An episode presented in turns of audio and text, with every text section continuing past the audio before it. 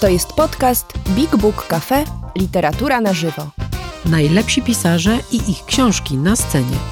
Ważne premiery, wyjątkowi goście, zaskakujące tematy. Rozmowy, spektakle i słuchowiska. Prosto z literackiego pępka świata. Posłuchaj i sprawdź, co mamy w repertuarze. Wejdź na bigbookcafe.pl lub odwiedź nas osobiście. Do zobaczenia i usłyszenia Drodzy Państwo, witam Was dzisiaj w nowym miejscu kulturalnym, jakim jest Big Book Cafe na MDM-ie na ulicy Koszykowej. To jest miejsce kultowe i będzie miejsce kultowe, bo jak Państwo dobrze wiedzą, Big Book to jest e, doskonała marka literacka. I tworzą to miejsce ludzie, którzy potrafią mówić o literaturze w sposób nietendencyjny, piękny i poruszający serca. Tak o naszych babkach pisze nasza dzisiejsza bohaterka. I na początek poproszę Was, żebyście gromkimi brawami powitały kobietę i powitali. Właśnie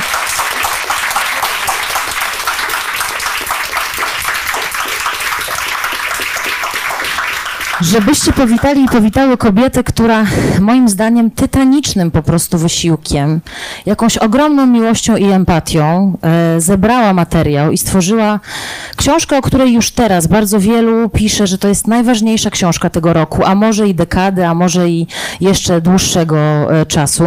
Joanna Kuciel-Frydryszak na wstępie. Joasiu, my Ci po prostu serdecznie dziękujemy za chłopki. Tak po prostu. Wielkie dzięki. I powiem Wam taką rzecz. Ja mam takie poczucie, że e, fajne rzeczy powstają w zespołach, dlatego absolutnie się nie dziwię, że Joasia zaprosiła na to spotkanie dwie niezwykłe dziennikarki, reporterki, wrażliwe kobiety, e, wrażliwe na losy swoich rodzin, na swo losy swoich bliskich, ale również na losy ludzi dookoła. Są z nami dzisiaj Katarzyna Surmiak-Domańska i Renata Kim. Wielkie brawa dla Was. Witajcie, dzień dobry. Ja w ramach, e, jestem przygotowana do prezentacji, tutaj mam takie gadżety, tutaj prawda Joanna, to jest pierwszy gadżet. E, tutaj zwraca uwagę też liczba zaznaczonych fragmentów, to wszystko na dzisiaj, więc to spotkanie trochę potrwa. Tutaj mam Renata, gdyby ktoś był zainteresowany, to jest wywiad, którego Renata, który Renata przeprowadziła z Joanną, tu mam jeszcze do Katarzyny, proszę bardzo, też mam, tu czystkę mam, więc będziemy to wszystko dzisiaj brać pod lupę. Ja się nazywam, drodzy Państwo, Justyna Dżbik-Klugo, jestem dziennikarką. Jeśli pozwolicie, to mam do Was taką prośbę na początek. Witam Państwa Państwa i na miejscu w Big Booku i tych, którzy nas oglądają. Zachęcam do aktywnego udziału w tym spotkaniu. My najpierw trochę poopowiadamy, ale później się podzielimy tym mikrofonem z Państwem. Zachęcam do komentowania, do zadawania pytań również w tej wersji internetowej. Jeśli pozwolicie, to ja bym chciała, żeby każda z nas, jak tutaj sobie na tej pięknej Big Bookowej scenie literackiej siedzimy, przedstawiła się, czyją jest wnuczką. Ja się nazywam Justyna Dżbik-Kluga, jestem wnuczką Heleny. E, Heleny, która pracowała jako pomoc w kuchni na weselach. I moja babcia Hela to była mama mojego taty. Jak się od niej wyjeżdżało z jej domu w Raciążu, który miał Podło on był z czegoś takiego zrobiony, z takiego drewna, cały dom i miał podłogę tak krzywą, że jak się przechodziło z kuchni, w której był piec oczywiście, do pokoju, to się szło pod górę, bo tak krzywa była podłoga. Jak się od niej wychodziło, to mówiło, mówiła do nas, jedź ta powoli i uważaj ta na skręty. I ja jak wychodziłam, byłam tym zażenowana i sobie myślałam, ale obciach taka babcia trochę, nie? A teraz po lekturze książki Chłopki, strasznie ją przepraszam, że tak o niej myślałam i jest mi trochę wstyd. I myślę, że może ta książka w wielu z nas takie wrażenie wywołać. Jestem też wnuczką Klary z domu Neubauer, Moja babcia od strony mamy była Niemką, ale to opowieść na inny czas. Renata, powiedz ty, czyją jesteś wnuczką? Jestem wnuczką e, Weroniki i Stefana, to rodzice mojej mamy, e, mała świętokrzyska wieś, oczywiście dawno już nie żyją, e, oraz Anny i Jana z podkrakowskich Zielonek. Małorolni chłopi uprawiali warzywa. Ja bardzo długo, podobnie jak ty, się wstydziłam e, moich dziadków. Nie tak czynnie, że ukrywałam ich istnienie, ale starałam się po prostu o nich nie mówić, e, bo, no bo moje koleżanki i moi koledzy mieli e, rodziców, którzy z dziada pradziada byli krakowskimi mieszczanami, a ja byłam córką robotników w pierwszym pokoleniu. E, więc tak starałam się po prostu nie opowiadać za bardzo, jak jechałam do babci na wakacje na dwa miesiące. No jechałam do babci, ale w żadne szczegóły się nie wdawałam. Nie opowiadałam, że doję krowy. E, no i o tym, że jestem no właśnie chłopską wnuczką, zaczęłam mówić już jako zupełnie dorosła osoba. I jak czytałam książkę Joanny, to byłam taka szczęśliwa, że ktoś opowiada o mojej babci po prostu, o której ja nigdy nie opowiadałam. Kasiu? Ja jestem e, wnuczką e, dwóch kobiet ze wsi. Dwie moje babci były chłopkami. E, Pierwsza z nich, którą znałam dość dobrze, bo zmarła dopiero kiedy byłam, kiedy miałam dwadzieścia parę lat, babcia Karolina. Świdry pod Opolem Lubelskim. E, Chłopka małorolna, nic nie wiem właściwie o jej przodkach, e, ale pamiętam też wakacje u niej. e, No właściwie przez całe moje dzieciństwo jeździło się na wieś do babci i ja bardzo lubiłam te wakacje. Szczerze mówiąc nie przypominam sobie, żebym się jakoś krępowała z tego powodu, czy wstydziła. Wydawało mi się, że po prostu każdy ma babcię na wsi, że babcia to jest taka figura, która po prostu jest, jest na wsi, jest przypisana do wsi, że nor- normalnie mieszka się w mieście, ale babcie są, są, na wsi. I, i takie moje najcieplejsze, najcieplejsze wspomnienie z, z babcią Karoliną to takie, że, że pierwsze pieniądze zarobiłam dzięki niej, bo, bo, jeździ, bo razem z nią chodziłam e, zbierać chmiel.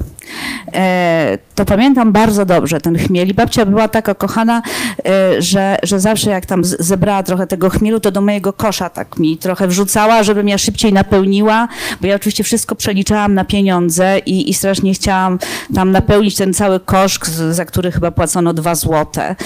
To, to dobrze pamiętam i to się musiało skończyć, jak, jak się kończyłam, jak, e, jak zaczęłam chodzić do szkoły, czyli jak miałam 6 lat, e, ponieważ chmiel się zbiera na samym początku września. I pamiętam, że właśnie był problem, że kurczę, tutaj chmiel dopiero, a ja już do tej szkoły. Czyli te pierwsze pieniądze z babcią musiały być e, przed szóstym rokiem życia.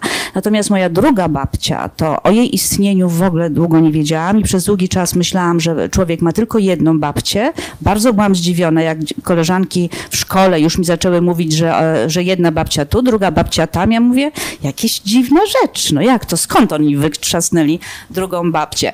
E, No i się okazało, że, że każdemu się należy druga też babcia i, i wtedy zapytałam mojego ojca, a co z twoją, znaczy z babcią od twojej strony?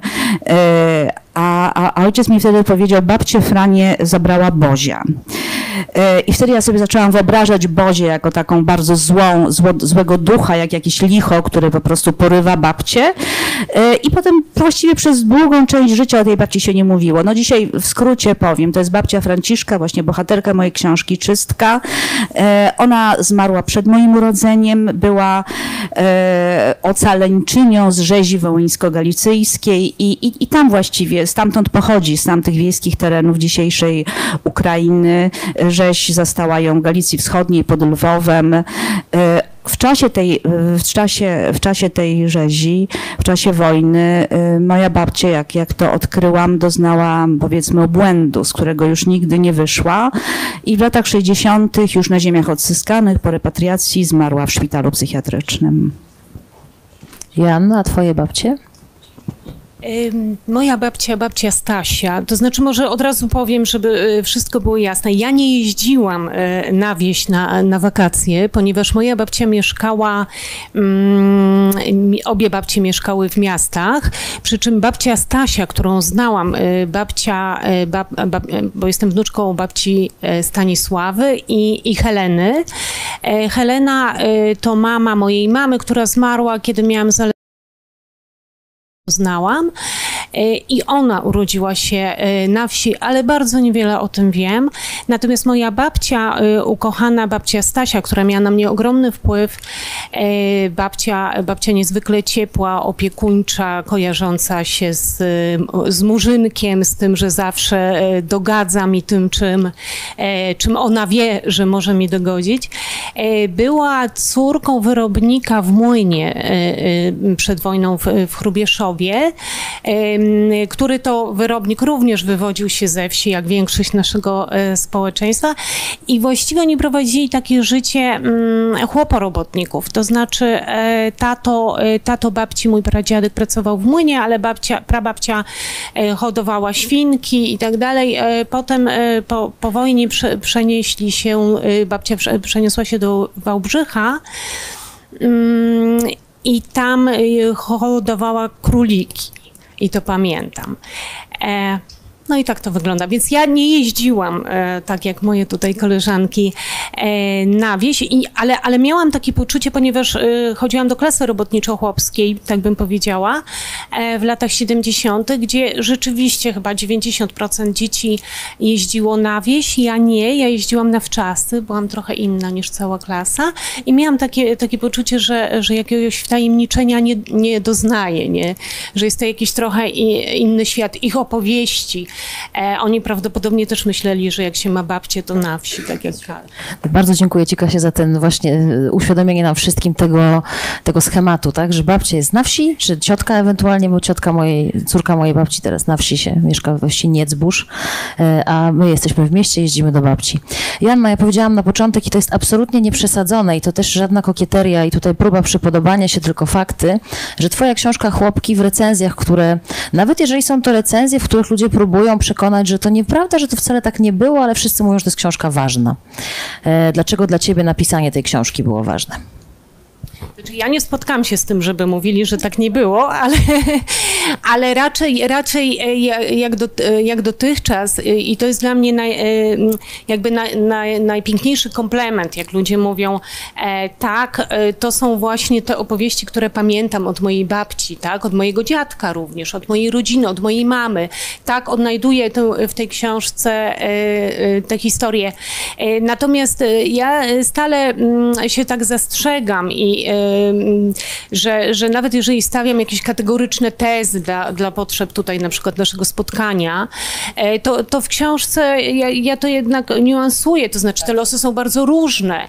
Jeżeli ja będę mówiła o, o przemocy, to nie znaczy, że każda, e, każda babcia doznawała e, przemocy i tak nie uważam. Jest takie króciutkie zastrzeżenie. Natomiast dlaczego pytanie... Dlaczego to było ważne? I też mówiąc o tych, nie mówię, że ktokolwiek neguje to, co tylko nie wszyscy są to w stanie przyjąć tak bez mrugnięcia okiem. Chodzi mi o te dyskusje, które są gdzieś na przykład e, pod tekstami, które są z tobą wywiadami, nawet na forach dyskusje właśnie, że nie wszyscy chcą mówić rozmawiacie w wywiadzie z Renatą o tym. Przyznać się do takiej babki to przyznać się do biedy, wstydu i wykluczenia, ale wreszcie do tego dojrzeliśmy, choć pewnie nie wszyscy, więc nie wszystkim jest tak łatwo opowiedzieć. E, Przede wszystkim ja piszę głównie o okresie międzywojennym, a więc o takim okresie, o którym lubimy myśleć w tych kategoriach, powiedziałabym, balowo-dworkowych, tak? E, I, i, i tu myślę jest, jest problem, że, że, że, znamy, że znamy powszechnie, no też bez przesady, bo, bo jednak wielu z nas y, ma świadomość tej ogromnej biedy, kryzysu i, i, i, i reperkusji tej sytuacji e, w Polsce międzywojennej, ale wielu z nas z kolei e, z, z literatury i też z, z- mitologii, jako, jaką otoczono jest ten okres e, historyczny, e, utożsamia to z właśnie e, z ziemiańską Adrią i tak dalej, i tak dalej. Ja pokazuję coś innego, tak? Pokazuję, pokazuję m, naju- najuboższe, czy, na, na, na, czyli ogromną grupę społeczną wykluczoną, wykluczoną, a wśród tych wykluczonych jeszcze grupę, czyli wykluczone z, z, grupy wykluczonych, tak? Więc rzeczywiście jest to, jest to inny trochę obraz niż e, ten, który dostajemy czytając Słonimskiego czy Tuwima. Dlaczego ważna? Jednym zdaniem. e, tak, nie, ale to, nie- to jest świetne, to co, doskonale, ale to, to przecież nie chodzi o odpowiedzi na pytania, to Dlaczego chodzi o rozmowę. Dlaczego dla ciebie ważne było napisanie tej książki? Napisałaś ją po służących, mówisz w wywiadach, na ile one się gdzieś tam łączą, na ile te kwerendy się pokrywały. Dlaczego dla ciebie, jako dla autorki tej opowieści, która dla wielu jest przełomową, napisanie jej wydanie nakładem wydawnictwa Marginesy było ważne? Z kilku powodów, ale powiem tylko dwóch. To znaczy tak, z powodu właśnie reakcji na służące, z powodu tego, że, że widziałam, jak, jak, bardzo, jak bardzo poruszeni są, poruszone, ale poruszeni w ogóle e, czytelnicy służących, zwłaszcza ci, którzy znali te opowieści, a którzy mieli poczucie, e, poczucie że one nie wybrzmiały, że, że za mało się o tym mówi. Znaczy, że, że e, dostawałam takie sygnały, że, że wreszcie, że w końcu, że, że, że gdzieś tam się odnajdują, prawda? Z drugiej strony, no, y, ostatnie lata to ten tak, tak zwany zwrot ludowy, gdzie ta literatura dotycząca historii chłopów pojawiła się i, i, i gdzie ludzie zrozumieli, że, że historia elit nie jest ich historią, czy, czy, czy, czy zechcieli w końcu jakby y, y, się skonfrontować z historią własnych, własnych rodzin. I e, to jest jeden z powodów, a drugi e, wynika z tego pierwszego, to znaczy dla mnie samej historia mojej babci Stasi, czy, czy jej los, mm, los e, kobiety mm, właściwie takiej służącej swojego męża, mm, kobiety zmęczonej, kobiety zaharowanej, kobiety, która się zmaga, która, która jest pogodna, ale jakimś bardzo dużym kosztem, która jest lekceważona lekceważona też przez swojego e, męża, że to wciąż we mnie siedzi. I ja rozumiem, że, e, że w bardzo wielu osobach historie e, i losy babci, takich trudnych, w szczególności te trudne historie też związane z biedą, że one gdzieś w nas grają, choć teraz te mm, informacje, które do mnie dochodzą i te, te zwroty po, po ukazaniu się książki, no są bardzo różne. Mm, bo to, bo to nie tylko jest, e, bo to nie jest tylko e, jakby takie, ta, taka reakcja na krzywdę, którą ja tam opisuję, czy, czy, czy, czy na przemoc, czy na, na, na biedę, ale, ale także to, że mm, ludzie nie znali swoich babci nie wiedzieli właściwie, jak one żyły, co one myślały. Właściwie ten kontakt wielokrotnie był e, bardzo słaby. I, i, I to jest taka, dla, taka trochę dla nich zagadka, jak wyglądało to życie. E, oczywiście ja im nie odpowiem tą książką, ale mogę coś pokazać i zdaje się, że to właśnie w jakiś sposób taki przemawia, wiesz, e, taki otwierający też i, i zachęcający do poszukiwań. To jest też dla mnie ciekawe, że wielokrotnie zaczęli poszukiwać tych swoich korzeni, czy, czy, czy informacji, rozmawiać z rodzinami, czy wręcz powiedział mi ktoś, powiedziała mi e, czytelniczka, że, że wybiera się na wakacje w miejsca, e, gdzie mieszkała jej rodzina. To jest dla mnie szczególnie cenne, są tego typu reakcje. Kasia, ty piszesz w czystce takie zdanie. Moja babcia ze strony mamy Karolina przeszła przez życie w pozycji zgiętej. Pielenie grządek, zrywanie szyszek chmielu, podbieranie zboża spod kosy, mieszanie w korycie śruty i paru, z parującymi kartoflami dla świń, ubijanie masła w maselnicy, uginanie się pod ciężarem worka z kartoflami na plecach i dziecka w brzuchu, klęczenie w kościele, kłanianie się dziedzicowi, kłanianie się księdzu, zawsze blisko ziemi. Prostowanie się musiało być dla babci podejrzane. Kiedy człowiek się prostuje? Czy nie wtedy, kiedy chcę okazać krnąbrność? Czytając ten fragment czystki, widzę okładkę chłopek, bo na okładce chłopek mamy kobietę, która się ugina pod tym ciężarem. E, porozmawiajmy o tym, e, porozmawiajmy o tym kościół, nie wiem, okoliczności e, obdarzyły, obdarowały nasze babki. Jaka była dalej ta twoja refleksja związana z tym zgięciem twojej babci? Czy ty faktycznie ją tak wspominasz i na ile to, co widzimy w chłopkach i na okładce chłopek, to jest też ta historia? Tak, rzeczywiście, kiedy pisałam te słowa, tak, tak widziałam moją e, babcię e, e, ugięta, oczywiście i pod ciężarem tej codziennej pracy. No, babcia przeżyła wojnę, podczas której mój dziadek był partyzantem w Akai i właściwie całą wojnę spędził w lesie, a potem został wtrącony do więzienia. No, więc ona była, siedziała jakiś czas w więzieniu w Puławach, więc można sobie wyobrazić, jak, jak ciężki to był też w sensie ekonomicznym chociażby dla niej, dla niej okres e, z trójką dzieci. E, także praca fizyczna cały czas. I tak tą babcię widzę, ale gdzieś tam w, jakiś, jakimś głębszym sensie e, widzę też to, że, że ta praca i to cały czas takie skierowanie się do ziemi, prawda, i taki, taka niemożność wyprostowania się też wpływała na to, że taka, taką, na taką niemożność zobaczenia też drugiego człowieka. Bo e, moja babcia, aczkolwiek była niezwykle zacną osobą i absolutnie nigdy nie sprawiła mi przykrości, ale ona, e, ona nie została nauczona czułości, ona nie została nauczona ciepła, ona została nauczona wykonywania takich jakby no, obowiązków, z tego, się, z tego się wywiązywała. Kiedy umierała, dała mi jakieś pieniądze, pewnie uznała, że to jest jakaś ostatnia rzecz, którą trzeba odfajkować na liście obowiązków babci yy, i zmarła. Yy, była osobą niesłychanie pobożną, taką wręcz dewocyjną, która prawda, cały czas tylko z tym różańcem, z książeczką do nabożeństwa, taką ją pamiętam, bo yy, czasami pomieszkiwała u nas e, w Warszawie, e, ale zmierzam do tego, że, że właśnie e, dosłownie tydzień temu dowiedziałam się takiej rzeczy o tej babci, która mi troszeczkę wywróciła ten obraz, wywróciła, czy też może nie wywróciła, pogłębiła. Mianowicie, tak jak powiedziałam, babcia była niesłychanie pruderyjna i na przykład jeżeli się oglądało w, telewizję z babcią, no to straszne, bo nie, nie daj Boże ktoś się zaczął całować w filmie, to babcia już się żegnała. Wyłączcie, wyłączcie to, wyłączcie. Kiedyś mnie przyłapała, jak, jak tańczyłam tam przed lustrem Wielki Piątek, jest, jaka była awantura. Także pobożność, pruderia. I teraz czego ja się dowiaduję o babci? E, że e, podobno przed wojną, jeszcze zanim poznała mojego dziadka, e, kiedy zmarła jej matka, okazuje się, że i ojciec, który znalazł sobie nową partnerkę, w ciąży była z nim właściwie służąca, jak się okazało. Co by też znaczyło, że ta moja rodzina nie była taka uboga, skoro jednak na wsi, ale na wsi też, też czasami posiadano służącą służące, więc to mój pradziadek już miał nową partnerkę, właśnie służącą, ta służąca była w ciąży. Był też starszy brat babci Karoliny e, i, była taka akcja, że próbowano pozbawić Karolinę e, części należnego jej spadku po zmarłej matce. E, no to znaczy, ja tą historię znam dzisiaj, jak jakiś tam kuzyn to opowiadał, więc to z trzeciej, czwartej ręki opowieść, ale w niej jest zawarte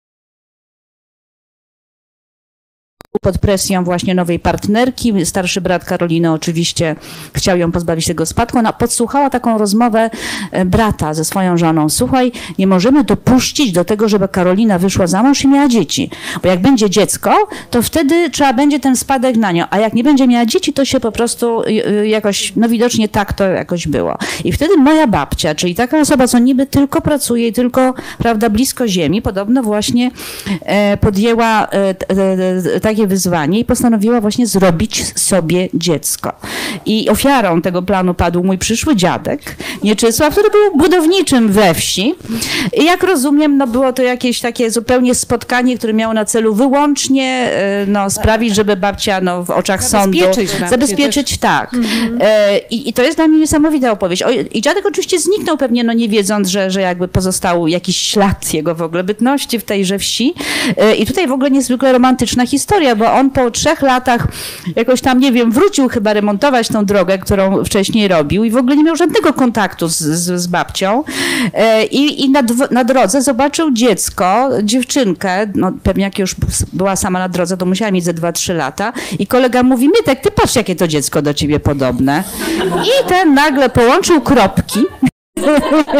Mówi, faktycznie, coś jest na rzeczy. No i odnalazł moją babcię, która chyba w ogóle nie, nie, go nie szukała, bo jakby to, że ona już miała to dziecko, rozumiem, już jakby rozwiązało jej problem. No i się okazało nagle, że wielka miłość i że on jednak zostaje i że jak mamy taką piękną córeczkę, to zróbmy sobie następne.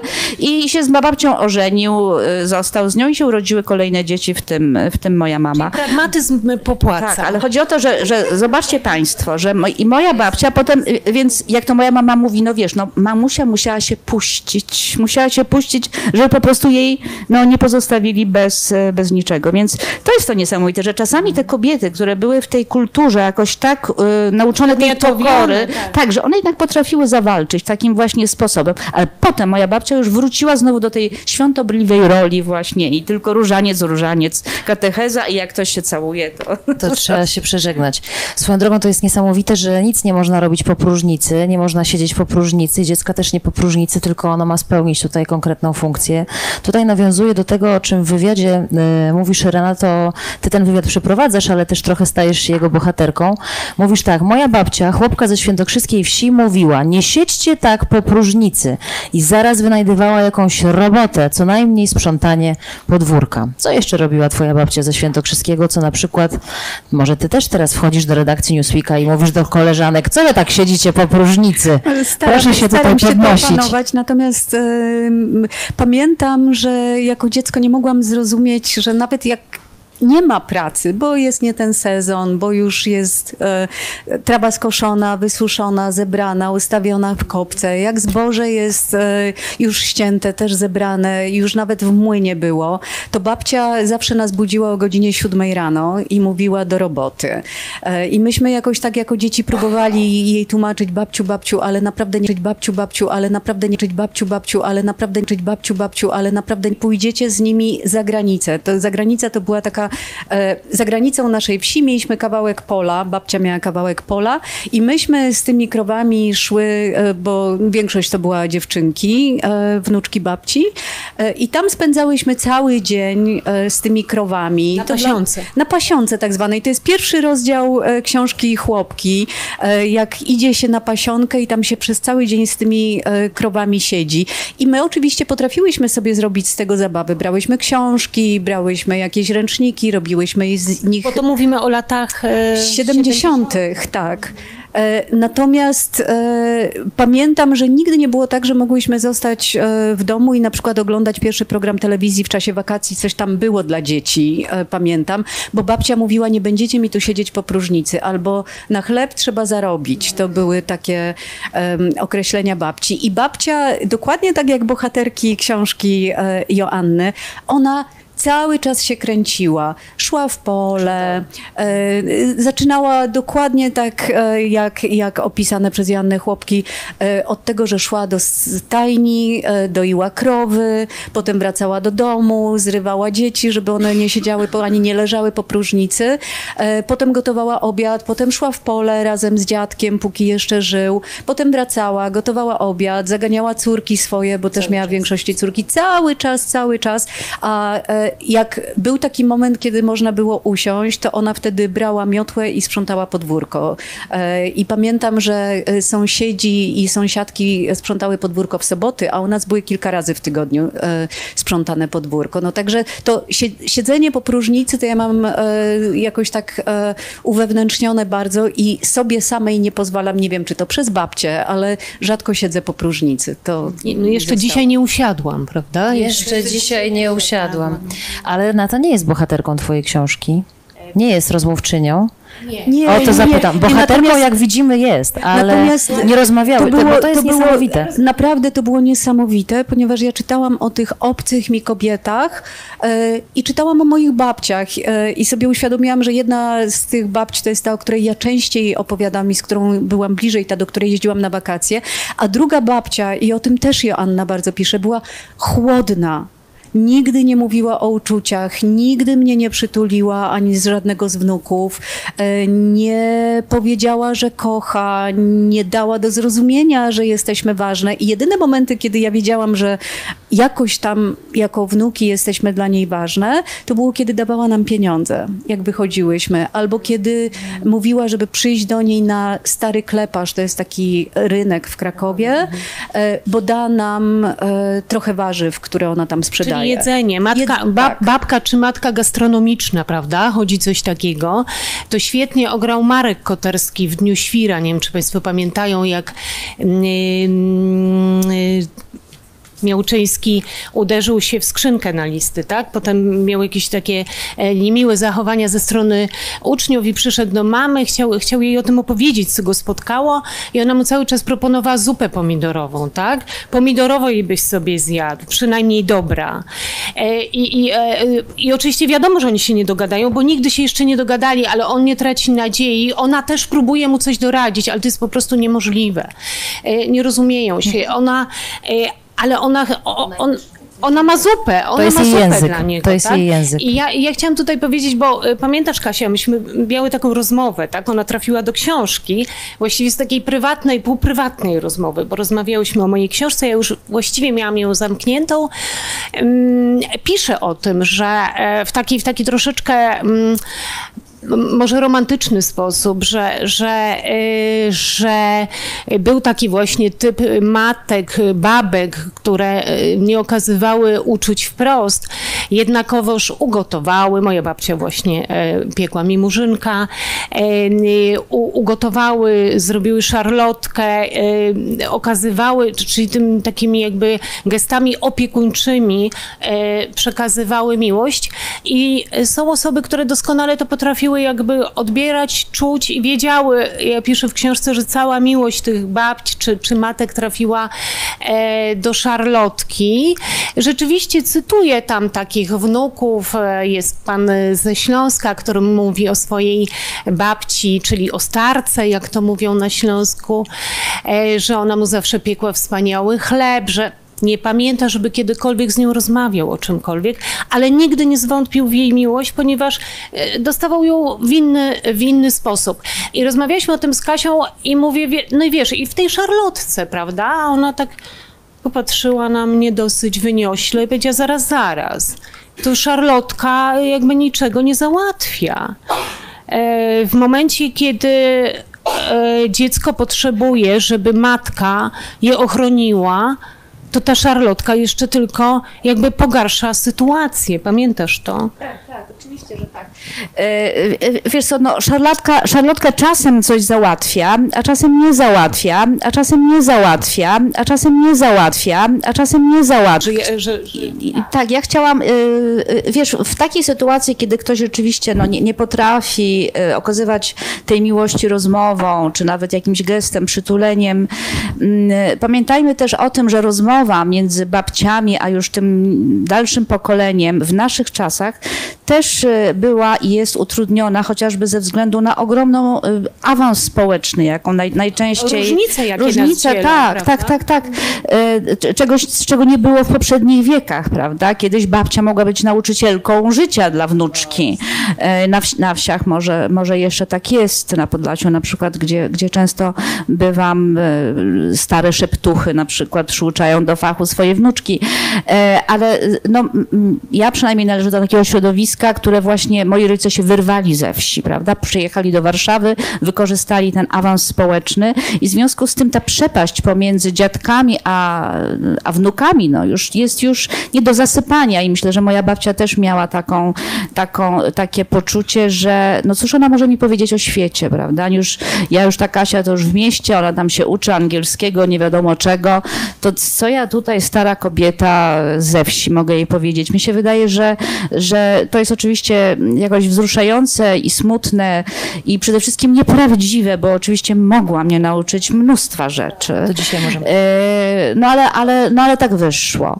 No ale tak wyszło. Natomiast to, co mówiłam o tej szarlotce Joasiu, to, to, to wiesz, to tutaj jakbyśmy musiały też poruszyć już, już taki kolejny problem, bo ja mówiłam, że ta szarlotka nie, nie, nie rozwiązuje problemu, czy też jakby no nie wystarczy, kiedy, kiedy dochodzi do tego, że kobiety, mm, które zostały uformowane przez tą kulturę wiejską, nie mają, nie wiedzą, że w ogóle powinny, że mogą, nie potrafią bronić swoich dzieci w sytuacji przemocowej. One są absolutnie nauczone tego, że jeżeli jest ojciec, który bije dziecko, wykorzystuje dziecko, tu broń może nie mówię o sobie, mówię raczej o jakimś sze- szerokim spojrzeniu. Ja kiedyś napisałam książkę Mokradełko o, o, o kobiecie, która była no, wykorzystywana seksualnie przez swojego ojca, a, a, a matka, żona, też kobieta ze wsi, w ogóle nie reagowała, no bo jak ma reagować? Przecież to ojciec, to jest ojciec, to jest można, to on chyba wie lepiej, co jest dobre. I chodzi mi o to, że, że, że w takich sytuacjach, jeżeli się coś takiego próbuje rekompensować szarlotką, to to zdecydowanie nie wystarcza.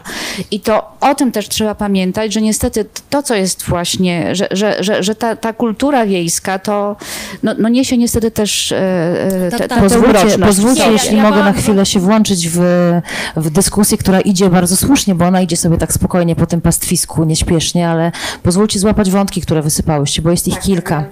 E, Ale to bardzo, to, to się ceni naprawdę, to jest wszystko w dobrą stronę, tylko złapmy te wątki, bo też myślę sobie i tutaj nawiążę do, jeden Kasia z wywiadów, którego ty udzieliłaś po premierze Czystki, miał taki cytat, e, to był cytat i też tytuł, bez zrozumienia nie ma uzdrowienia. I myślę sobie, że my wszyscy albo większość z nas, którzy sięgamy po taką książkę jak Chłopki, też dowiadujemy się czegoś o sobie, czy chcemy się dowiedzieć czegoś o sobie, czy rozumiemy różne rzeczy, które na przykład sami robimy i ta zupa pomidorowa później dawana przez mamę, ta miłość, zatrzymajmy się na chwilę przy tej miłości wyrażanej przez jedzenie. Wy mówiłyście o tej miłości wyrażanej konkretnie przez pieniądze również. Babcia się często koja kojarzyła z tą, która daje pieniądze, bo ona w ten sposób umiała wyrazić, że jesteśmy dla niej ważni, że chce nam pomóc, jak jeszcze umie. E, a poza tym to, o czym na co zwróciłyście uwagę, że tam nie było mowy kocham cię.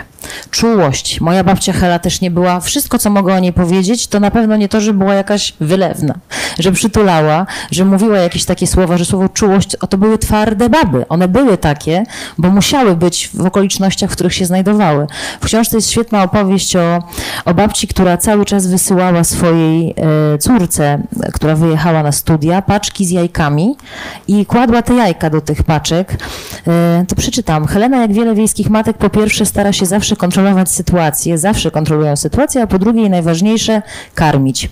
Oczywiście, jeśli dziecko wyjeżdża na studia, możliwość kontroli zostaje utrudniona, no ale jest Poczta Polska. Danuta Kita, list z 72 roku. Dziękuję za pieniądze znowu i paczkę, a ściślej mówiąc za jajecznicę z ręcznikami i spodniami, w nawiasie jedno jajko całe. Długo wyrywałam sobie włosy z głowy, ale może niedługo już przyzwyczaję się do tych jajek. W każdym razie e, w możliwość przekonania mamy do niewysyłania jajek w paczce przestałam już wierzyć. Cytryny doszły cało, no i potem jest kolejny, później to był marzec, tu kwiecień, list paczkę dostałam, dziękuję, niestety jajecznica, ręczniki wyprałam, tylko czekolada doszła cało. Chyba mama zrezygnuje z tych jajek. Puenta jest taka, że nie zrezygnowała, wysyłała paczki przez całe pięć lat studiów. I teraz zobaczcie, z jednej strony, nie wiem, czy też ktoś takie już dostawał. Chciałam Cię, Joanna, zapytać też o taką rzecz, na ile różne opowieści, które mamy też o babkach, mówimy o nich z uśmiechem, ale robi się to trochę taki śmiech przez łzy kiedy poznamy szerszy kontekst, tak? Bo z jednej strony myślimy, Boże, ty jajka, no tak, ta babcia taka, co ona wymyśliła, tak? Wiesz, no ja nie A nagle zaglądasz za kotarę i myślisz, Jezus Maria, dlaczego to tak było? Wiesz, ja nie budowałam tej, tej książki przez anegdoty, prawda? To nie są anegdoty.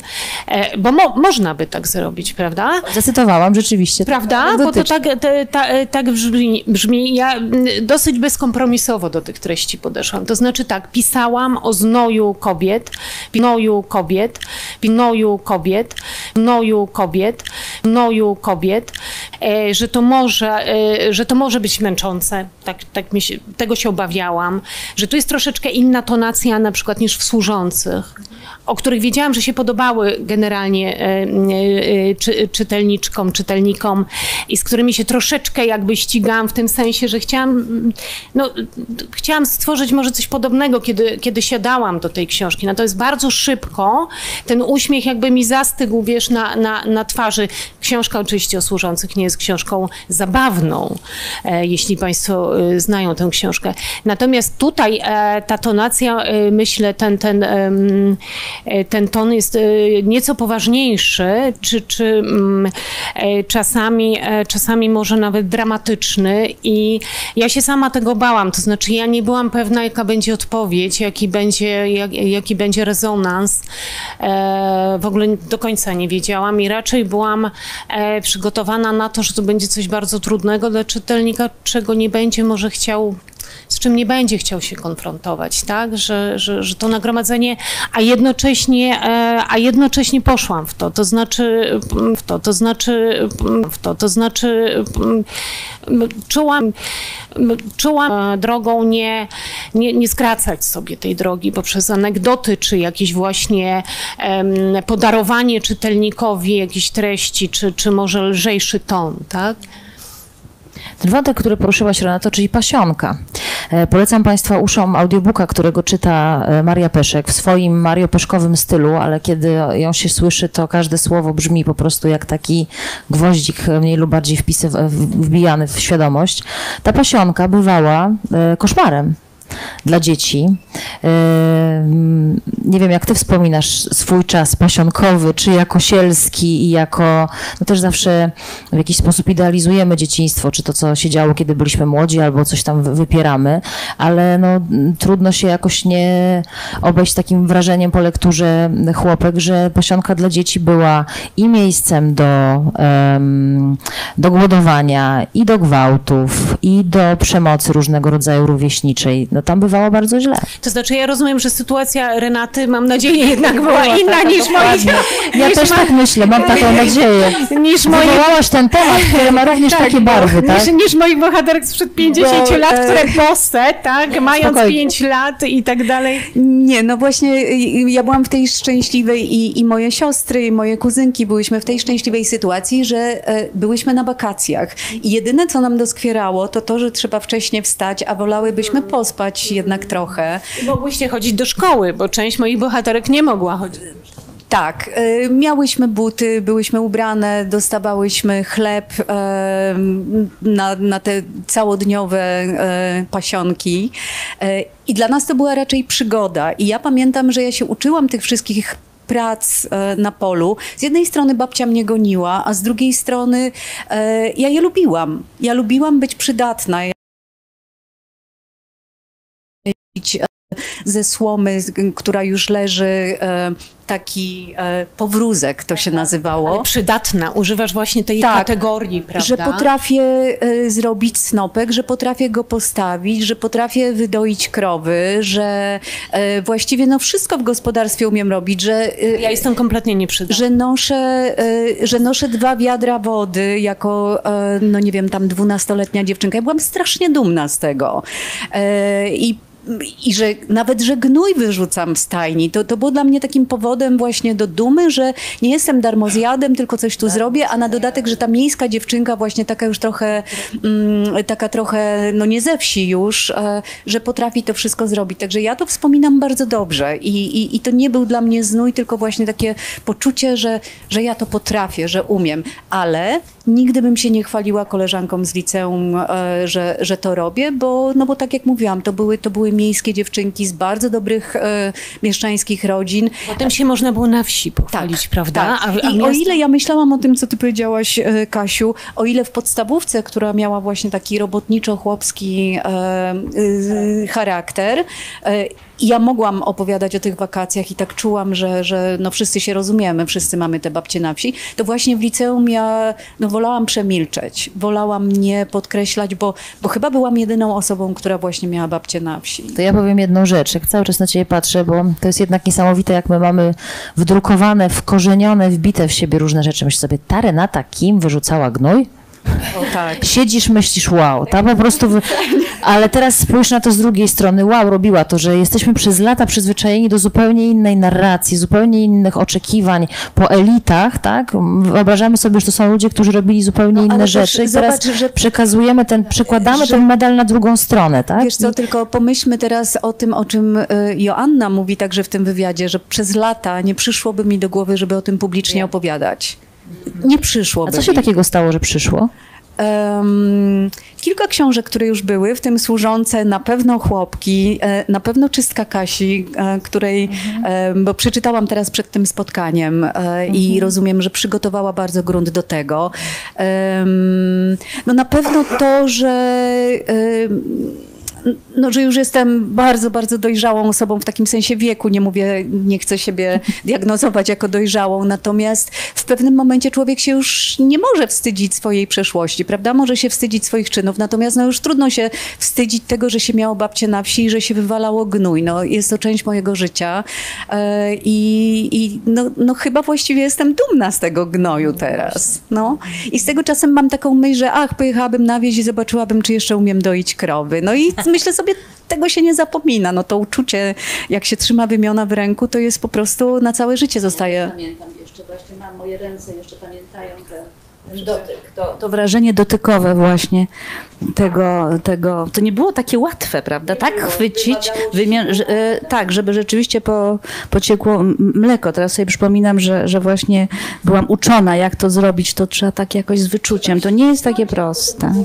Drodzy Państwo, po tym spotkaniu mamy takie warsztaty z dojenia. Tam na zapleczu ekipa wspaniała Big Booka przygotowała takie wymiany.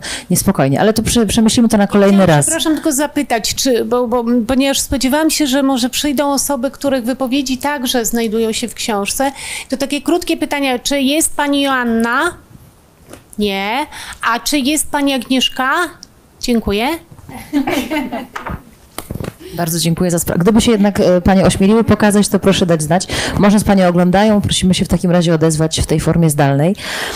Ym, Ja oczywiście wiem, że ta pasionka, którą ty opisujesz w książce, a pasionka Renaty to jest jednak trochę lat później, ale jakoś poczułam, przypomniałam sobie po prostu ten fragment czytany przez Marię Peszek i też no, no, jest pewnym. No, że dla niektórych to nie będzie odkrycie. Dla mnie na pewno było, jak ta pasionka wyglądała, jakim była koszmarem. E, Porozmawiajmy przez moment o dzieciach, o tym, jak dzieci na wsi były traktowane, bo to jest opowieść o kobietach, ale też o dzieciach, które były, właśnie musiały być przydatne, nie mogły być darmozjadami, czy o dziewczynkach, jak były traktowane. My czasami tak patrzymy na przykład a propos butów. Buty w ogóle są bardzo ważnym bohaterem tej książki, były bardzo ważnym też bohaterem życia na wsi.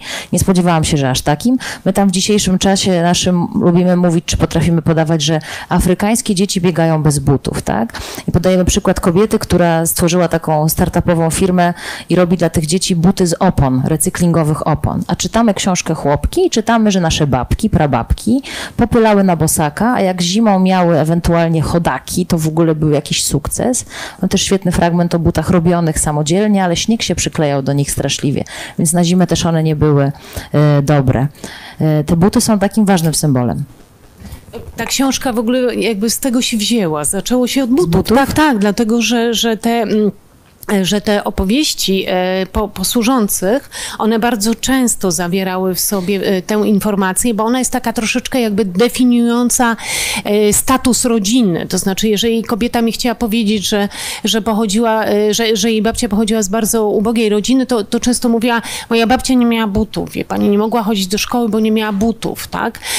Często w tych opowieściach pojawiają się takie informacje, które ba bardzo wiele nam mówią. Na przykład nie mieliśmy podłogi w domu, tak? Moja, moja babcia nie miała podłogi, mieliśmy e, klepisko, ale te buty, te buty y, właśnie z taką jakąś emocją i, i z czymś takim, że, że, że wciąż nie mogę w to uwierzyć, że moja babcia nie miała butów i w związku z tym nie mogła bardzo wielu rzeczy, prawda? Bo, bo buty otwierały, otwierały możliwości, dawały wolność, ja piszę. I, e, I buty, oczywiście dzieci, e, jest kapitalne zdjęcie w tej, e, w, te, w tej książce, gdzie dziewczynki, ono robi wrażenie, to jest, to jest zdjęcie mm, z Mazowsza, gdzie siedzi nauczycielka w butach, stoją dziewczynki w pięknych fryzurkach, w niezłych w ogóle sukienkach, bardzo, bardzo zadbane i właściwie jedna tylko ma buty, to jest szkoła, prawda, na Mazowszu. Są takie, które nie miały butów, więc musiał albo nie chodzić do szkoły, albo jest opowieść o bracie, który zaniósł swoją siostrę bez butów do szkoły i ona Tak. kombinowała, co zrobić na bosaka, będąc, gdzie te nogi podwinąć, żeby jej nie było w tej szkole zimno. Wiecie co, to jest po prostu tak porażające. To jest coś, co trudno w ogóle wyrazić słowami. To jest ta, jedna z tych opowieści, która naprawdę czułam, że mi łamie serce, e, e, kiedy znalazłam tę relację i tak e, pa, pa, pamiętam dok- dokładnie ten wieczór, bo tak bardzo wiernie opowiadałam mojemu mężowi o tym znalezisku, jak to ja mówię, o, o tej relacji pani, pani Jadwigi Szkraby, która, e, która po latach wspominała, jak, jak, jak przekonała mamę do tego, żeby wymyśliła coś, żeby ona mogła chodzić do szkoły mimo tego, że nie ma butów, bo mama jej powiedziała, że to jest niemożliwe, to jest Podkarpacie. I, i ponieważ, ponieważ, ponieważ, ponieważ, ponieważ wrzucać synowi, który będzie nosił ją w tobołku do szkoły e, i e, tam ją rozwiązywał i ona się tam będzie uczyła i potem będzie ją przynosił i tak też było. Więc y, zupełnie nie, niewiarygodne jest to, że mm, y, wnuczka pani Jadwigi, z którą mam kontakt, która mieszka w Ameryce, powiedziała mi, że pani Jadwiga do końca swojego życia y, mm, pozostała taką zdeterminowaną osobą, taką o takiej właśnie sile, bo ona musiała mieć niesamowitą siłę w ogóle takiego jakiegoś e, przebicia i taką, ta, ta, taki rodzaj witalności, ta, taki rodzaj witalności, ta, taki rodzaj witalności, ta, taki rodzaj witalności, ta, taki rodzaj witalności, ta, taki rodzaj witalności, ta, taki rodzaj witalności, ta, taki rodzaj witalności nie napisana i to właśnie dała jej szkoła. E, pisała także wiersze, więc, e, więc to się udało. To się udało dzięki tej pomysłowości e, matki i dzięki temu, że ten chłopiec chciał nosić, chociaż, chociaż ona pisała, że on się bardzo tego wstydził, że nosi siostrę w tobołku, ale robił to, bo mama kazała. Powiedziałaś, że to się zaczęło od butów. Te buty mogą być symbolem nie tylko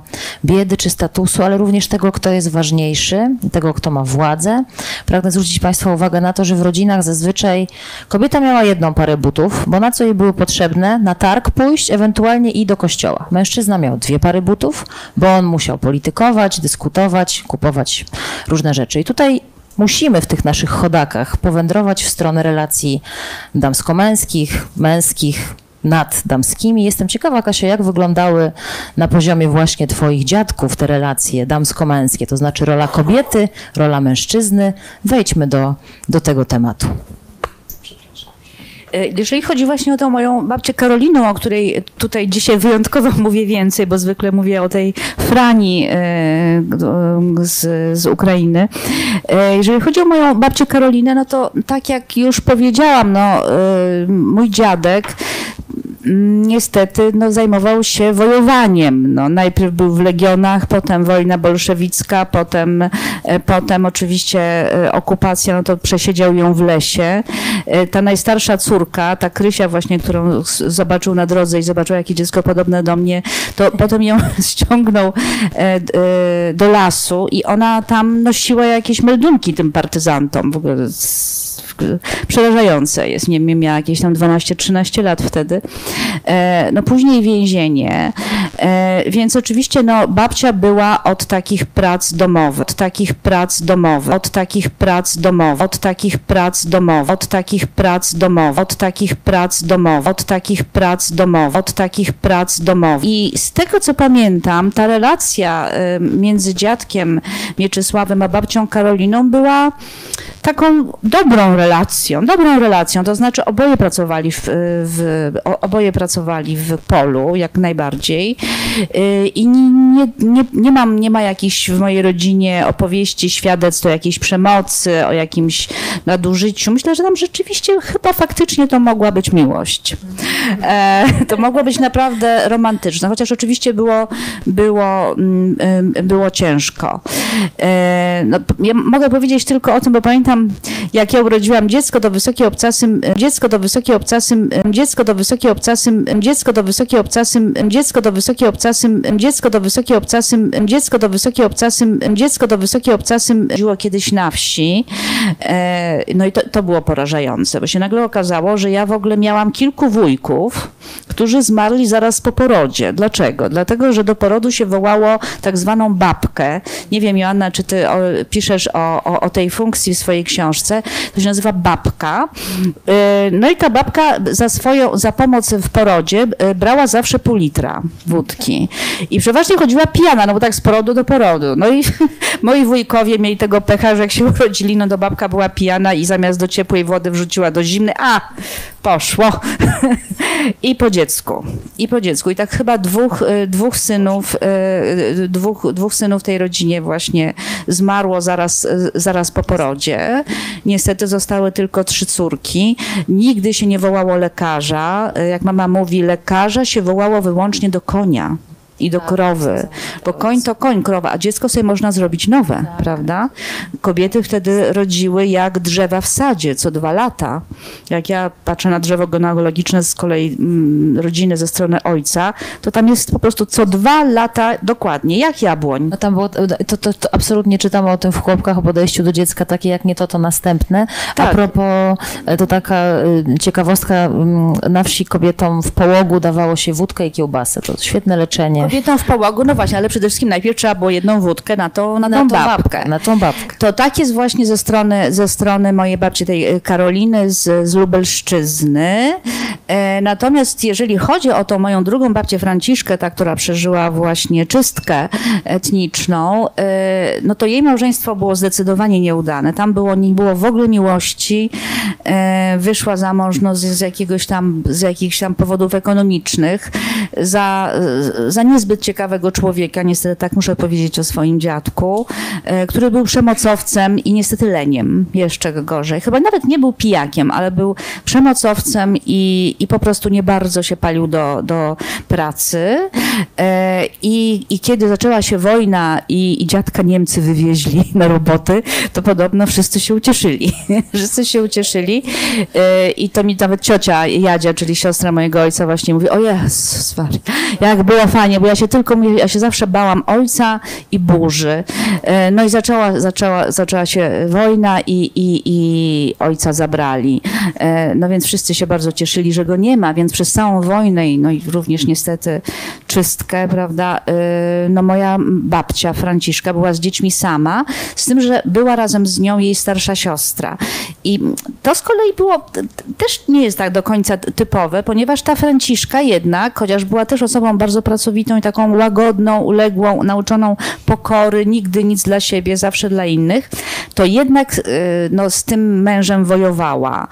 E, On zresztą, kiedy wrócił po wojnie, bardzo spóźniony, bardzo spóźniony wrócił po tej wojnie, bo wojna się już skończyła, jak wiemy, w 45, a mój dziadek jakoś, e, jakoś tak z tych robót w Niemczech wylądował na robotach we Francji, potem w Paryżu na tych robotach. W tym Paryżu jakoś się zasiedział, podobno. Nie znałam tego w historii. Podobno u jakichś bardzo dobrych ludzi. Nie wiem, co to. Nikt nie jest w stanie tego wytłumaczyć, ale że wspaniali. Więc te, te roboty mojego dziadka w Paryżu 40, do 45 to na, naprawdę podobno były. Wspani- mówił, że to jacyś wspaniali ludzie. No możliwe, że to byli jacyś Francuzi, którzy mieli jakieś kontakty z Niemcami przydzielano im po prostu darmowych pracowników, no ale no to już jakaś tajemnica. No w każdym razie, no dziadek się tam zasiedział, no wrócił, nie wiem, w 47 chyba, e, czyli nie był z rodziną w tych najważniejszych czasach, Nieobecny. prawda, więc Nieobecny. był traktowany jak intrus trochę przez już takich dorast, już, już starszych synów e, i moja babcia po prostu się opędzała od niego podobno, nie chciała w ogóle mieć z nim kontaktu, e, więc on był takim przemocowcem, ale takim przemocowcem, którego się tam jakoś pogoniło i, i, i te, no w każdym razie to też, też nie, nie było, nie, nie było więzi. Nie było ciekawa figura, jak powiedziałaś. A u ciebie, Renata, co chciałaś, do ten wątek roli kobiety, mężczyzny i tych e, relacji Kiedy myślę o, o małżonkach moich babek, e, to zawsze mam takie obrazki, że e, one się kręcą w kółko, cały czas coś robią, a dziadkowie siedzą. I jeden dziadek Stefan siedzi i gra na skrzypkach i jeszcze woła, żeby w tym czasie wnuki go drapały po plecach. On, Żeby nie siedziały po Tak próżni. trzeba żyć, no właśnie. tak, a babcia w tym czasie gotuje, sprząta i mówi Stefan, Stefan, Stefan odłożyłbyś już te skrzypce. E, I u tej drugiej babci, z którą w ogóle nie byłyśmy blisko, widzę z kolei dziadka, jak pije z moim ojcem, polewa wódeczkę, e, a w późniejszych latach jak wyjmuje szklane oko i kładzie je na stole i my tak się boimy strasznie tego oka. To ja mam takie, ale tam też był właśnie taki podział, że babcia, e, która była malutka i taka właśnie zgnieciona ciężarem tych warzyw, bo ona nosiła je w takim, w takiej płachcie zawiązanej i brała na plecy i jechała e, autobusem podmiejskim do Krakowa i tam cały dzień stała nad tą płachtą, nawet nie miała swojego straganu, tylko tak sprzedawała prosto z tej płachty. No i ona cały czas krąży, a dziadek siedzi, pije wódkę i wyciąga to oko. To takie mam. No i patrzcie, znowu się tak trochę uśmiechamy, nie? Z tego oka i tak, takie to jest takie wspomnienie po tym dziadku, który tam drapie, dziadku, który tam drapie, dziadku, który tam drapie, dziadku, który tam drapie, dziadku, który tam drapie, dziadku, który tam drapie, dziadku, który tam drapie roboty za męża, który zawsze ją uważa za niższy umysłowo twój potwór Boży. Traktuje ją brutalnie. Pisze Katarzyna Świątek-Balalowa, wiejska nauczycielka i działaczka ruchu ludowego w Kobiecie Wiejskiej. To jest fragment chłopek. E, a propos tego dziadka, który pije, ja pamiętam takie słowa, które moja mama gdzieś tam powtarzała, piosenki. Niechby pił, niechby bił, byleby tylko był. Kto z Państwa nie zna powiedzenia, jak się kobiety nie bije, to i wątroba gnije. A skąd ono się wzięło, Joasiu? Skąd się wzięło takie przeświadczenie o tej przemocowości, o tej obecności tej przemocy? Przecież ono też jest obecne w historiach, które Ty opisujesz.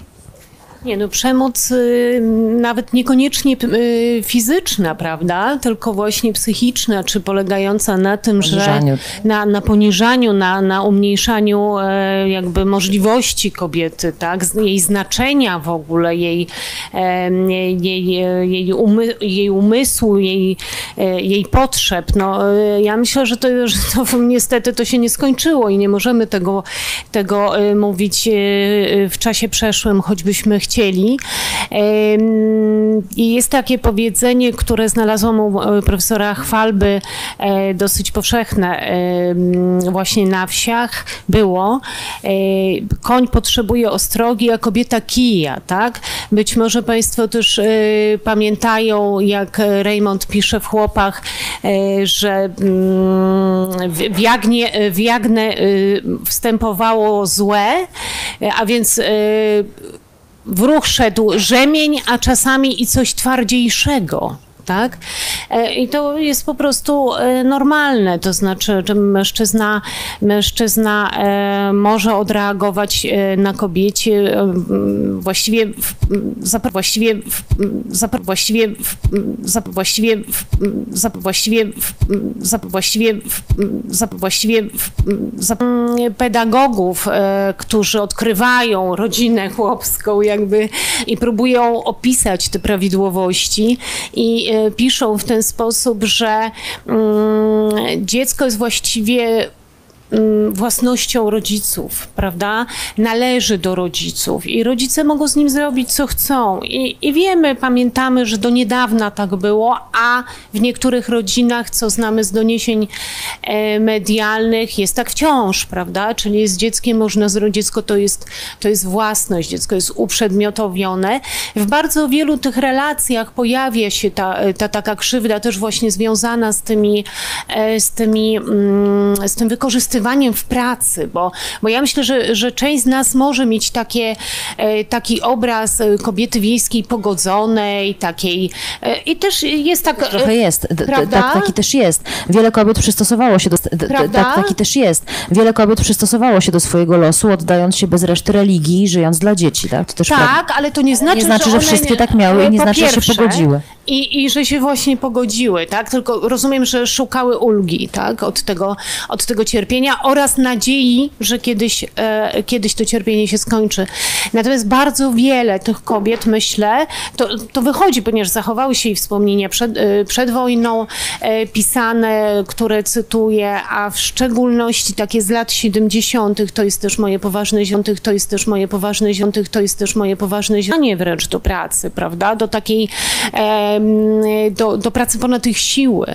Właściwie te, te, te dziewczynki takie słabsze fizycznie, one może miały troszeczkę lepiej, bo je, jeżeli tylko dziewczyna wyglądała na taką krzepką i mogła pracować, to się ją po prostu wykorzystywało. Czasami pracowała za słabszą e, siostrę. E, to się bardzo często zaczynało od tego, że e, dzieci e, pasały zwierzęta, dziewczynki jakąś taką e, drobną zwierzynę, potem właśnie e, krowę, a potem zajmowały się rodzeństwem. To też jest chyba znany Państwu scenariusz z tych e, rodzinnych opowieści. E, A w związku z tym e, niektóre z nich nie mogły pójść do szkoły, no bo rodzice potrzebowali tych dzieci w gospodarstwie. Problem był realny, nie było co zrobić z dzieckiem, jak matka szła pracować. Problem był realny. Więc rozwiązywano w ten sposób, że dzie, dziewczynka, mm, dziewczynka nie, e, nie uczyła się e, w szkole.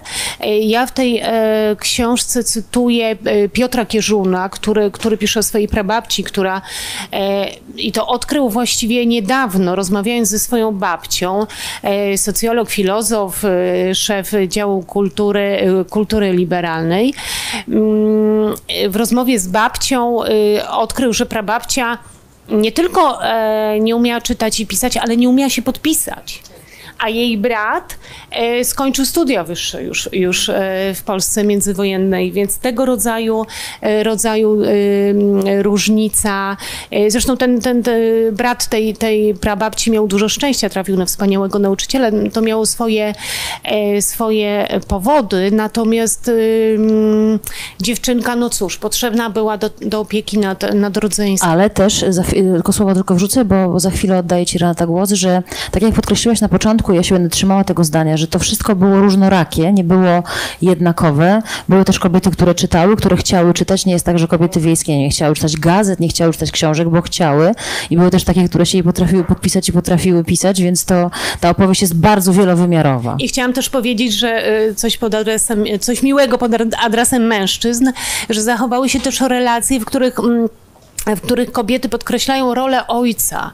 I moim zdaniem one też są szczególnie, e, e, ten, ten, ten głos jest ważny i powinien tutaj e, paść, że kobiety mm, mm, wielokrotnie podkreślały, że to tato nauczył mnie e, korzystać z gazet, uczytać gazet, e, prawda? A, a z kolei z gazet, z gazet one czerpały wiedzę, jak prowadzić gospodarstwo, czy, czy, czy w ogóle otwierały e, ich, im głowy. Więc miały takie poczucie jakiejś takiej intelektualnej inspiracji ze strony ojca, tak, ze strony mężczyzn i to też się pojawia. I O myślę, że mężczyznach jeszcze będzie coś dobrego, choć może nie za dużo, z ale drugiej będzie. strony Bardzo y, proszę. z twojej książki z, Będzie coś miłego o mężczyznach, spokojnie, jeszcze będzie. Spora część Twoich bohaterek też opowiada o tym, że dostawały takie, mm, takie ostrzeżenia, że to nie jest dla Ciebie, że Ty jesteś potrzebna w domu, nie ucz się, że Twoja przydatność jest tutaj. Mm, Ale y, ja się zgłaszałam do wypowiedzi, ponieważ uruchomiłyście we mnie znowu wspomnienia. Ja mam dwie młodsze siostry bliźniaczki, o 6 lat młodsze i pamiętam e, taki moment, kiedy one miały może 8 miesięcy, a ja zostałam z nimi sama w domu i musiałam je pilnować. I one leżały na wersalce, jedna w jedną stronę, druga w drugą stronę yy, i na zmianę płakały. Jak jedna przestawała płakać, to druga zaczynała płakać. I ja byłam już w absolutnej rozpaczy, nie wiedziałam co robić. W końcu obie padły i zasnęły, ale potem ja je odprowadzałam do przedszkola, przed swoją szkołą. Ja je musiałam ubrać i nigdy tego nie kwestionowałam. Wydawało mi się, że to jest po prostu no, y, starsza siostra musi takie rzeczy robić. I dopiero teraz, jak o tym mówicie, no to wydaje mi się, że to jednak było dziedzictwo, no, po pierwsze PRL-u na pewno, ale po drugie tego e, wiejskiego chowu i myślenia, że i, i przez całe życie słyszałam, ty jesteś starsza, ty musisz to zrobić, ustąp. I, a ja to dopiero miałam życie, prawda? Kasiu? Jeszcze te, te Kasi, Kasi też uruchomiło jakieś wspomnienie. Tak, uruchomiło mi, e, to mi dzisiaj sobie właśnie jak, jak myślałam o naszym spotkaniu, e, to mi przypomniałam sobie, wydaje mi się, że coś cennego, mianowicie przypomniałam sobie bajkę, jaką moja mama mi często opowiadała, e, bajkę, którą jej opowiadała jej mama, czyli babcia Karolina ze wsi, czyli jest to bajka wiejska, którą się opowiadało dziewczynkom.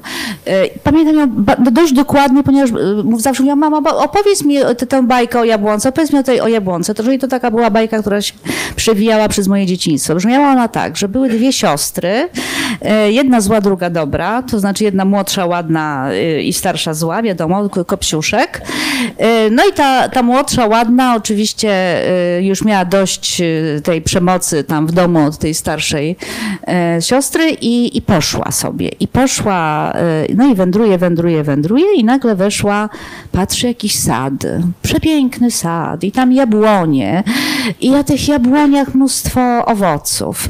I ona podeszła do takiej jabłonki i ta jabłonka chyba do niej się uśmiechnęła i powiedziała zerwij ze mnie tej, o- jabło, tej owoce, bo mi jest tak ciężko. I ta dziewczynka zerwała te e, jakieś jabłuszka z tej jabłonki, zdjęła z siebie fartuszek, położyła fartuszek, narwała tych jabłuszek i położyła ładnie te jabłuszka na tym fartuszku.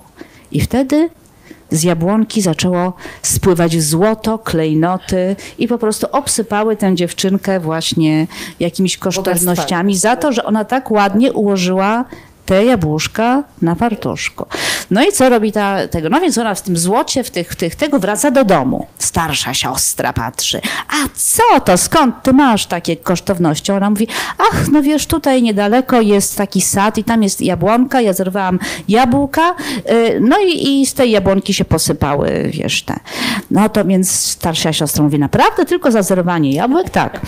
No i ta starsza, y, brzydsza i starsza, uwaga, brzydsza, starsza, zła, skąd my to znamy, y, tam poszła. y, No i jest też ta jabłonka i też są te jabłonki i, są jabłka piękne i jabłonka mówi, zerwi, zerwi, bo tak ciężko. I co zrobiła ta zła siostra? Zerwała jabłko i zjadła. Zjadła jabłko, zjadła jabłko i wtedy z tej jabłonki nagle polało się po prostu szambo, jakieś pomyje, jakieś, nie wiem, smoła czy coś. Za to, że ona zamiast po prostu gospodarnie ułożyć tak dla kogoś, to ona po prostu zjadła, czyli pomyślała o swojej przyjemności. A to jest świetne. Tak. Y, To przypomniał, no, no przecież to wszystko mówi, prawda? Czyli w ogóle nie masz prawa myśleć o swojej przyjemności. Już nie mówiąc o tym, że ten symboliczne jabłko zerwane, siebie w prawda? ogóle, wiesz, że co coś się dla dzieje. siebie. Jak tak, możemy coś dla funkcjonować siebie. dzisiaj bez problemów, to ja takie e, obiecałam, że będzie coś dobrego o mężczyznach, ale nie wiem, czy się nie wycofam z tego. E, spokojnie, e, drodzy Państwo, jak Państwo zauważyli, my tak możemy długo, bo tych bajek jeszcze trochę w rękawie jest, niczym tych asów i jabłek, ale jeszcze moment, bo chcę zwrócić, bo też podglądam, że są od Państwa pytania e, oglądających nas e, przez internet. E, zwrócę uwagę tylko na dwa wątki i podzielę się z Państwem mikrofonem i chętnie zbiorę Państwa pytania i wątpliwości. To jeszcze a propos tej kobiety, która E, podsumowując trochę ten wątek męski, kobieta musi tylko zrozumieć, na czym polega jej powinność. W ogóle świetna kategoria posłuszeństwo małżeńskie. To odkryłam też dzięki Tobie, że była taka. E, I ja popro- ją po prostu wypełniać tę powinność, ponieważ dobra matka i gospodyni nie tylko organizuje dom, ale też jest odpowiedzialna, ale też jest odpowiedzialna, ale też jest odpowiedzialna, ale też jest odpowiedzialna, ale też jest odpowiedzialna, ale też jest odpowiedzialna, ale też jest odpowiedzialna w chacie. Nie zrzędzić, nie gderać całymi dniami o byle co. Tak upomina Antoszka, jedna z bohaterek, ale też wrzucimy to jabłuszko do koszyczka kościoła katolickiego. No nie zrobimy inaczej, nie da się inaczej. Kobieta wiejska otoczona jest szczególną troską ideologów katolickich, jeszcze czysta i niewinna, nie taka jak te z miasta, które krzyczą chcemy całego życia. Kobietę wiejską bardziej jeszcze niż mężczyznę tradycja historyczna i ludowa określała jako nieautonomiczną istotę domową, której życie miało się toczyć na ślepej uliczce łączącej chałupę z parafialnym kościołem i mój ulubiony fragment. Kościół katolicki dobrze przeczuwa, że ta uliczka już nie taka ślepa i że wydłuża się coraz bardziej, zwłaszcza, że coraz więcej dziewcząt jeździ na służbę do miasta i wyprawia tam brewerię. Teraz uważajcie, trzeba zatrzymać to szaleństwo.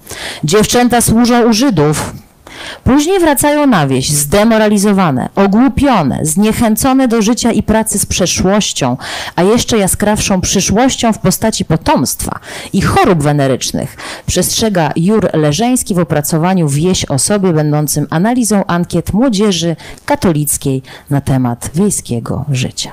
Tak się demoralizowały na służbie. Tak się demoralizowały na służbie i Kościół katolicki był po to, żeby te wiejskie kobiety się za bardzo nie demoralizowały. Skracam, czy tak faktycznie było?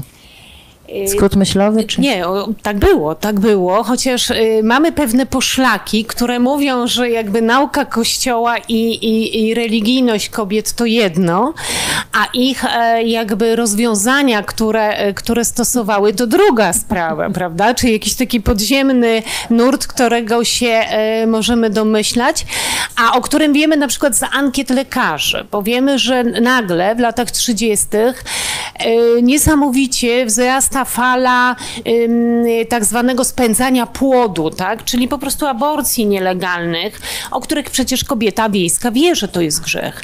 Jednak robi to, tak? E, Nara to, tak? E, Nara to, tak? E, Nara to, tak? Nara to, tak? Nara to, tak? Nara to, tak? W przypadku, kiedy zostaje zatrzymana, jest, jest sądzona, ja tam kilka takich przykładów podaję, gdzie wchodzi, wchodzi policja do domu, rekwiruje krople na żołądek i tak dalej, wszystko co podejrzane, przesłuchuje dzie, dziewczynę i ona, ona oczywiście ma swój pomysł na to, jak z tego wybrnąć, więc mówi, że mm, trafia w ogóle do szpitala z powikłaniami, więc lekarze wiedzą i muszą powiadomić policję, dlatego oni, oni do niej przychodzą i zabierają te krople, ale potem ona zeznaje, że, mm, że rzeczywiście już nie ma wyjścia, bo dowody są niezbite, że rzeczywiście przyszła do niej jakaś Andzia, ale ona nie zna tej Andzi, tak? No i sobie tak, tak, tak się zabawia z tymi sędziami. Oni oczywiście też wiedzą o co chodzi, bo skala jest naprawdę ogromna, mm, ale uznają, że, że sytuacja materialna i finansowa, ekonomiczna, bytowa tej, e, tej dziewczyny oczywiście nie pozwala im, e, to akurat na takich sędziów tutaj trafiła, e, jej skazać na jakiś, na jakiś taki duży duży wyrok. Ale mówię o tym właśnie w tym kontekście, że, że wiesz, ja, jakby tutaj nie wiemy, co tak naprawdę... Y, człowiek sobie, Pan Bóg sobie, człowiek sobie. Trochę, tak? Chyba Znaczy... trochę tak, chyba jednak tak. Y, ja, ja trochę pokazuję te właśnie takie strategie, bo, bo tak mówimy o, o, tym, że one właśnie schylone, schylone, a tu nagle się okazuje, no że jak przyszło co do czego, to one... Tak, i, i, i, ja też pokazuję takie, e, takie przykłady, że Konstancja Zieja, tak, matka e, księdza, księdza, przyszłego księdza Ziei, która mówi mm, kiedy ojciec zabrania jej kształcić syna, a proboszcz ją do tego namawia, to ona mówi oczywiście, no skoro tak, to, to trudno, ale y, zbiera na ten elementarz, kupuje dziecko i wszystko to robi w konspiracji, więc te strategie jakby działania y, gdzieś tam podziemnego, że mówi się mężczyźnie zgoda, a robi się swoje. E, to było i myślę, że poniekąd pewnie do dzisiaj e, tak kobiety sobie radzą, tak? To znaczy cała ta sztuka, żeby mężczyzna myślał, że to on decyduje, a tak naprawdę ona robi, e, przeprowadza swój plan. Na ogół, Państwo się uśmiechają, czyli znamy to, tak? Mm, czyli na ogół w porozumieniu z dziećmi, tak? To znaczy tacie nie powiemy, prawda? Te, te Jakie to jest zło, Boże, jako matka dwóch synów i żona męża, któremu nigdy tak nie robię, Boże, no jak nie tak nie może, nie róbmy tak w domu, ale ja wiem, nie wiem, no ale może, ja absolutnie nie wiem, tak nie, ja wiem, ja wiem, ale nie, to są lata pracy i terapii, to spokojnie, jesteśmy innym pokoleniem, jesteśmy innym pokoleniem, ale złapałabym jedno słowo, jeszcze zostawię te dobre rzeczy o mężczyznach na deser w ogóle tego spotkania, nic wam nie powiem na razie. Powiedziałaś, tak się trochę nawet może obruszyłaś, kiedy ja powiedziałam o tym pogodzeniu z losem. Złapmy to słowo pogodzone. Czy wasze babki były z losem? Pogodzone? Swoje, czy jednak strategie wymyślały, swoje wiedziały, jak przychodziły co do czego. Trochę o tym Kasia mówiłaś, ale chciałabym, żebyście to jakby otwartym tekstem odpowiedziały na to.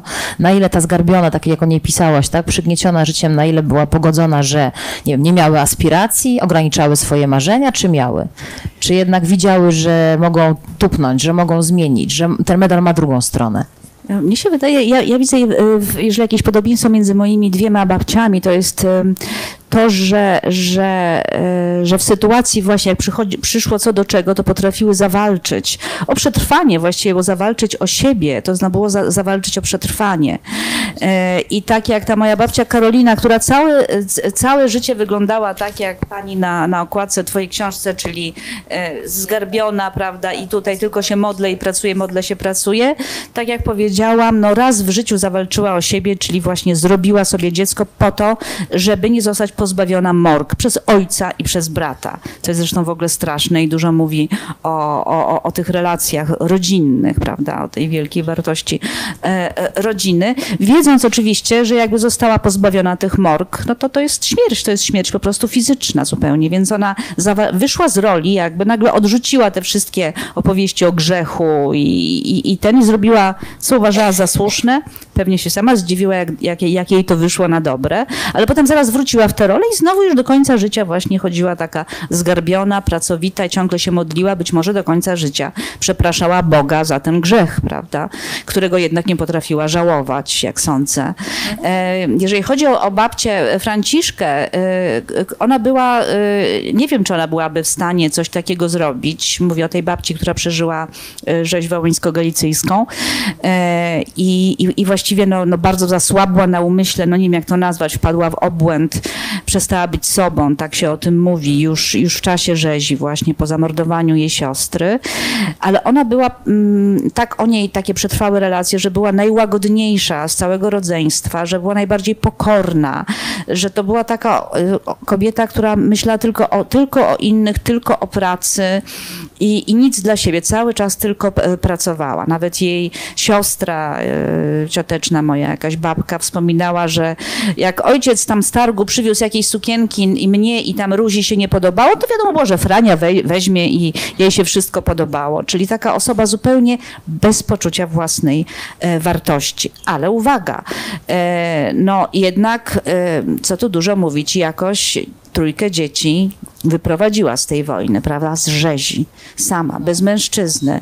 No więc przypadek, no jednak, jednak mimo, że była taka odklejona od rzeczywistości, trochę otępiała, ale jednak zawsze kombinowała, żeby to dziecko tutaj podrzucić jednemu krewnemu, że tutaj upowcy są w tej wiosce, no to może jednak do tej. E, no mój ojciec dziesięciolatek na pewno też jakoś nam pomagał, ale jednak, jednak ona e, no, no, no zrobiła coś naprawdę wielkiego, no to coś naprawdę wielkiego, no to coś naprawdę wielkiego, no to coś naprawdę wielkiego, no to coś naprawdę wielkiego, no to coś naprawdę wielkiego, no to coś naprawdę wielkiego, no to coś naprawdę wielkiego, no jakiś dom, gospodarstwo. E, to też pamiętam e, e, właśnie zachowało się we wspomnieniach coś takiego, że kiedy przydzielano ziemię, to ona sfałszowała swoje dokumenty i zamiast Franciszka Surmiak napisała Franciszek Surmiak. Dlaczego? No wreszcie, jakby to wykryto, to by powiedziała, że tam, to, to by powiedziała, że tam, to, to by powiedziała, że tam, to, to by powiedziała, że tam, to, to by powiedziała, że tam, to, to by powiedziała, że tam, to, to by powiedziała, że tam, Prof dostała chyba siedem, jeśli nie wymyślam, ale no w każdym razie dostała jakąś taką rację tych hektarów, y, y, no, y, która przysługiwała mężczyznom. Samotnej kobiecie nikt by nie przydzielił tyle tych. I ona to robiła i zanim ten mój nieszczęsny dziadek wrócił po wojnie, to ona to sama obrabiała. No trochę trochę z pomocą dzieci, ale jednak obrabiała, ponieważ no, wiedziała, no, no, że każda prawda, skrawek ziemi to jest, e, e, to, jest, to jest po prostu większa szansa na przeżycie i dobrobyt, no i wszystko dla dzieci, dla dzieci, dla dzieci, żeby, żeby, żeby miały więcej. No i potem jak dziadek przyjechał, no się okazało, że niestety nie zamierza jej pomagać e, w pracy na tym polu, więc też niesamowita jakaś taka samodzielność. No tak, ale też mówiąc o tej babci, o której piszesz, czy której historię opisujesz w czystce, która straciła rozum, tak to nazwijmy, czy po prostu prostu rozchorowała się. No pytanie, czy to nie była cena, którą ona zapłaciła za to, jak się z, musiała, jak się z, musiała, jak się z, musiała, jak się z, musiała, jak się z, musiała, jak się z, musiała, jak się z, musiała, jak się z, musiała jej życia i jej może tego spięcia wewnętrznego, jej tego radzenia sobie tak niezwykłego, tak? To jest takie właśnie niesamowite w tych kobietach, że one, kiedy dopóki jest mężczyzna przy nich, to one udają tak jak, e, tak jak żeby się sobie w ogóle nie poradziły bez tego mężczyzny mężczyzny, że do trzech zliczyć nie umiem, prawda? Ach, gdyby nie mój mąż, no to przecież ja bym natychmiast zginęła. A się okazuje, że nie, że jeżeli tego mężczyzny nie ma, jeżeli on odchodzi z jakiegoś powodu, zawodzi, e, to jednak ta kobieta okazuje się, że po prostu. A nawet potrafią, potrafi wiesz, wejść w, w, buty tych mężczyzn. No tak, trafią wszystko. No, tak, no, ale, ale też być brutalne, to chciałam Oczywiście. powiedzieć, prawda? Tak. Że, że w tych wymaganiach jakby przejmują ten, ten e, taki, wiesz, ostry, bardzo kategoryczny i bezwzględny. To, to tak, ja tak. podaję takie przykłady, prawda? Że one jakby właśnie z tej uległej czy takiej podporządkowanej kobiety, kiedy muszą e, zajmować się organizacją organizacją e, domu, to robią to troszeczkę na modłę mężczyzny. To jest niesamowite. Renata, u ciebie z tym pogodzeniem, z tym... No więc ja w ogóle nie mam tak o babci Weronice pamiętam, że, e, że ona chyba lubiła swojego męża i kiedy umarł, to e, skakała, tak dosłownie skakała do jego grobu, a potem wróciła do domu i zrobiła stypę i śpiewała i tańczyła. E, I potem ja ją pytałam, babciu, no to jak to jest, czy, czy ty płaczesz za, za tym dziadkiem, czy nie płaczesz? A ona powiedziała, dziadek nie żyje, a ja żyję. I rzeczywiście potem... Pragmatyzm. Tak, to, to, to było życie. Y, Natomiast jak tak sobie myślę o obu moich babkach, to e, wydaje mi się, że one miały po prostu te swoje, to swoje krzątanie, to swoje zabieganie, te wszystkie roboty mm, i tak trochę się nie oglądały na swoich mężów, bo oni robili co robili, potem mieli albo te skrzypce, albo tę wódkę e, i tacy Czyli bardzo... światy. Tak, tak, bardzo przydatni e, w życiu nie byli. E, To takie, takie mam wspomnienia. A też mi się przypomniało... e, Miało być coś miłego. No, jeszcze mam, jeszcze mam, mam. to jest spokojnie, na- no to spokojnie. zupełnie nie będzie miłe, bo jak y, rozmawiałyście o tym, to sobie przypomniałam, że cały ten model e, bycia podporządkowaną i skazaną na swój los przejęła moja mama. E, Bo mój ojciec, syn tego dziadka, który pił, też pił i stosował przemoc i moja mama, myśmy ją całe życie prosiły, żeby ona odeszła od ojca, a ona mówiła, że nie, bo, e, bo kościół, bo węzły małżeńskie, e, a takim ostatecznym argumentem i nie do zbicia rzeczywiście, że jak ona go zostawi, no to on już całkiem się zapije i w rowie tak, zginie. I, no, I z tym sobie już e, no, no nie byliśmy w stanie nic powiedzieć, bo to była prawda. Jakby ona go zostawiła, to by gdzieś e, w rowie zginął. I to ona przejęła to, co, co moje babki jakoś tak sobie, nie wiem, odsunęły chyba od siebie, zajmując się swoimi rzeczami, to ona ten cały ciężar e, przyjęła i, e, i uznała, że to jest, to, to jest jej krzyż i ona to, to jest mój krzyż, to też często No, tak, słyszałam krzyż. No tak. domu. Tak. I to bardzo częste z tym krzyżem. I to bardzo częste z tym krzyżem. I to bardzo częste z tym krzyżem. I to bardzo częste z tym krzyżem. I to bardzo częste z tym krzyżem. A jeśli w dodatku chłop nie pije i nie stosuje przemocy, zbliża się do ideału. Naprawdę. No, przekąsem czy z ironią, bo to, to są czasy, mówi się o czasach słusznie minionych, niech te czasy będą słusznie minione, naprawdę. Ja myślę, że się, że się bardzo, e, że to się bardzo zmienia. No, w młodych pokoleniach to w ogóle to, to, to już jest inna opowieść, ale też chciałam powiedzieć o swoim takim zdziwieniu trochę w, e, odnośnie tego, o czym mówiła Renata. E, jakiś czas temu byłam na cmentarzu i spotkałam tam moją koleżankę, która jest lekarką i powiedziała mi coś takiego, co, co mnie zdumiało, ale co pokazało, że naprawdę jest jakaś, e, zachodzi zmiana u kobiet. Ponieważ ona mi powiedziała coś takiego, e, wiesz, zmarł mi tato, e, ojciec, zmarł mi ojciec, idę uporządkować jego grób, bo ja chodzę na, na grób ojca, a moja matka w ogóle nie chodzi, bo powiedziała, nie był dobrym mężem, nie będę chodzić. I ja pomyślałam, to jest zupełnie niesamowite, nie wyobrażam sobie, że moja babcia by coś takiego powiedziała i zrobiła i że w ogóle zaświtałoby jej w głowie, że mogłaby chodzić, nie chodzić, sprzątać grobu swojego niezbyt dobrego męża, delikatnie mówiąc. Nie wyobrażam tego. Drodzy Państwo, mm, to, to nie zostawiam tych dobrych mężczyzn na deser jednak, nie, bo to sobie sch- schowam sobie. E, Ktoś z Państwa ma ochotę tutaj z obecnych na sali coś dorzucić, dołączyć? Filip nam porwie jeden mikrofon. Filip, chodź, porwij nam jeden mikrofon, to dobry mężczyzna. Chodź, porwij nam jeden mikrofon, proszę. I zachęcam Państwa do, do swoich refleksji i pytań. Proszę Państwa, ja muszę wnieść erratę, dlatego że tutaj wchodzimy w taką ścieżkę jakąś błędną. Otóż, y, proszę Państwa, y, pojęcie miłości, czy tego, że się lubi kogoś, to są pojęcia nam znane przede wszystkim z literatury. I być może Państwa pokolenie to już jest pokolenie, którym się nie czyta o miłości, tylko się ją po prostu stwarza, prawda? Natomiast to pokolenie, o którym Pani mówi w książce, stawiało znak równości między słowami kocham Cię, a zupa pomidorowa. Proszę sobie wyobrazić, że nie mamy pieniędzy, no bo na wsi w, dwu, w latach 20. y, XX wieku y, nikt nie miał pieniędzy oprócz być może mężczyzny, prawda? Natomiast nie dawało się dzieciom na cukierki, na McDonald'sa, takich rzeczy nie było. Jeżeli nie było McDonald'sa, to jedynym źródłem pożywienia była ta zupa pomidorowa. Jeżeli matka dawała dziecku zupę pomidorową, to jednocześnie mówiła: Kocham cię, daję ci szansę na przeżycie, bo jest głód I jeżeli nie dostaniesz tej zupy pomidorowej, to być może nie będziesz jadł do końca dnia, a może do następnego. Ale my w ogóle się absolutnie zgadzamy z Tak. E, tak, ale tutaj pojawiło się coś takiego. taka- Rata przyjęta. Potwierdzona. Znaczy- Ale wie pani, zupa pomidorowa u Kotorskiego to są lata e, niedawne. My mówimy o tym, jak to, jak to jest, e, wie pani, przemoczone Ale myślę, następnych... że wie pani nawet dziś y, w niektórych wioskach, na przykład w Bieszczadach, myślę, że są takie rodziny, dla których y, kiedy nie mają pracy, są bezrobotni, prawda? E, e, e, e, e, e, E, Myślę, że nawet jeszcze długo, długo po wojn, II wojnie światowej na wsiach, zwłaszcza tam, gdzie nie było prądu w 80 latach, czyli Bieszczady na przykład, to kwestia zupy pomidorowej, podania dziecku jedzenia było równoznaczne z powiedzeniem kocham cię, chroni, chcę chronić twoje życie.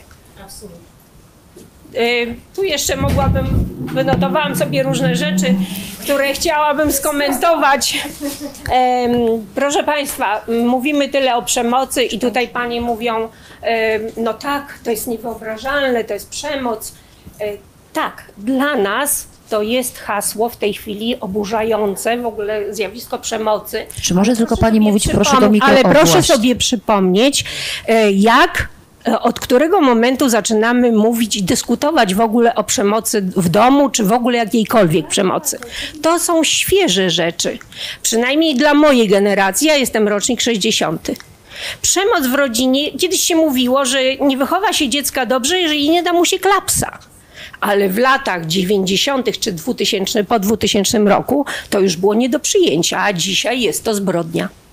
Prawda? Zgodzimy się. Tak, aczkolwiek, aczkolwiek wie Zgodzimy pani, ja w książce cytuję już pedagogów ówczesnych, którzy zwracają Ale na to, to uwagę, e, że pedagodzy, a proszę pani, na wsi pedagogów o tym podejrzewam, rozmawia, że nie, nie, no było. to o tym oczywiście rozmawiamy. Ale przecież o tym wszystkim jest ta rozmowa i to Nie, wszystko, okej. o czym pani mówi, jest prawdą. Tylko my już nie chcemy tak żyć. I na szczęście umiemy sobie nazwać to, jak to wyglądało. I dziś mówimy, wiemy, że nasze babki nie mówiły, że to była przemoc. Wiemy, że były przygniecione takim życiem, w jakim są. My dziś już tak nie chcemy żyć. I to wszystko, o czym pani mówi, My to rozumiemy. To tak jak była mowa o tym, że poznajemy przeszłość po to, żebyśmy mieli inną tę przyszłość. My się z panią w 100% zgadzamy. Tylko my już tak nie chcemy żyć i dlatego czytamy Ale takie my książki. już tak nie żyjemy też. No nie, nie żyjemy. Ja chciałam, jeśli można. Tylko przepraszam bardzo, tylko mówię, że chciałam podkreślić, że kwestia przemocy to są, nie wiem, ostatnie 20 Jasne, ale my się wszystkie tutaj, 30 jak siedzimy- Natomiast nie możemy o tym mówić absolutnie e, w, w czasach, które- opisuje pani w książce. Ale trzeba o tym Ale mówić ja w czasach, które opisujemy w książce, znaczy- bo dziś możemy o tym już tak mówić, tak? Znaczy, zawsze mogliśmy tak mówić, tak? Tylko my już mamy odwagę, żeby tak mówić, tak? E, Wie pani co, ja, mój ojciec pochodził ze wsi i pamiętam, że jak byłam małą dziewczynką, on e, wręcz e, jak był zły na mnie, e, to chciał wymusić na mnie, żebym go całowała w rękę. I bardzo pani za to współczuję. Nie, jest nie, przykro, dlaczego? że była pani Proszę pani, sytuacji. po prostu dla mnie to było, ja się postawiłam. Ja jestem z tych dzieci, które się postawiły i niestety to nie, pewne rzeczy nie przeszły.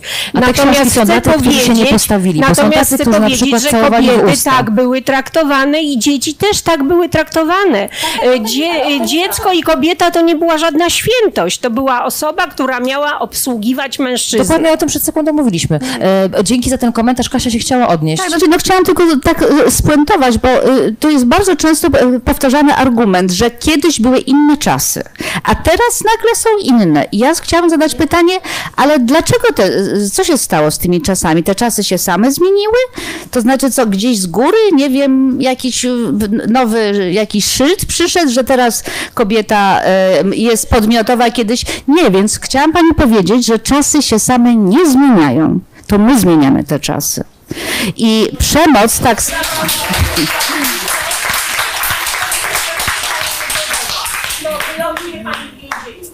Słucham, przepraszam. No właśnie chciałam powiedzieć, że jeżeli coś się pani nie podoba, wyszłaby pani na ulicę, to nie wiadomo, jakby się to skończyło.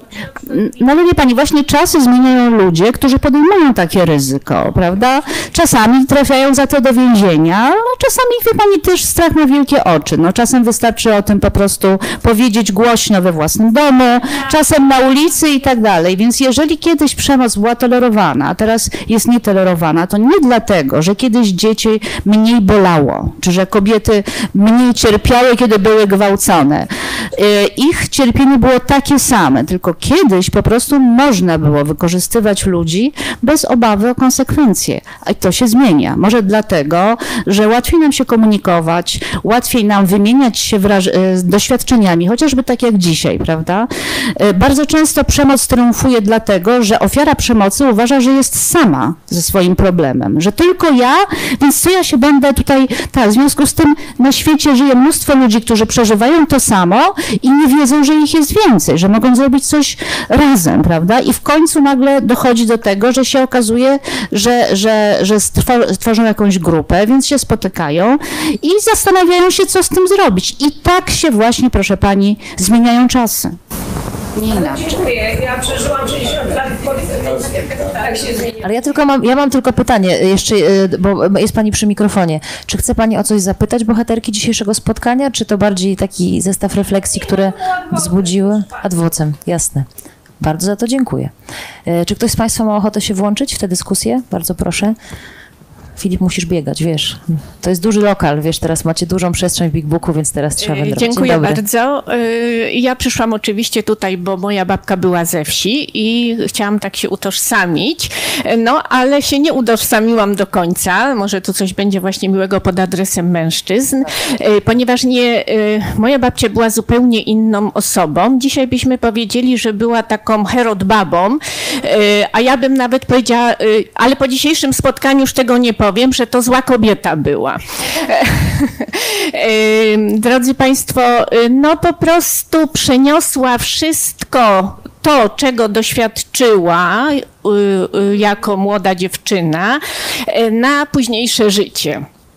E, Przede wszystkim byli faworyzowani chłopcy. W momencie, kiedy zmarł dziadek, a tu zupełnie odwrotna e, historia, ponieważ e, rodzinna wieść głosi, że to dziadek zgłosił się dobrowolnie na roboty, żeby uciec od babki i znalazł się w 1949 roku w Szwajcarii, a babcia była niepiśmienna, ale potrafiła go znaleźć przez Czerwony Krzyż i sprowadzić do Polski, bo czwórkę dzieci zostawił. Jedno umarło w czasie wojny, więc różnie to bywało. I po prostu ja jako wnuczka doświadczyłam tego, dzisiaj byśmy powiedzieli, takiego, no wręcz nazwałabym to hejtu w domu y, i y, mój brat był lepiej traktowany, mój ojciec.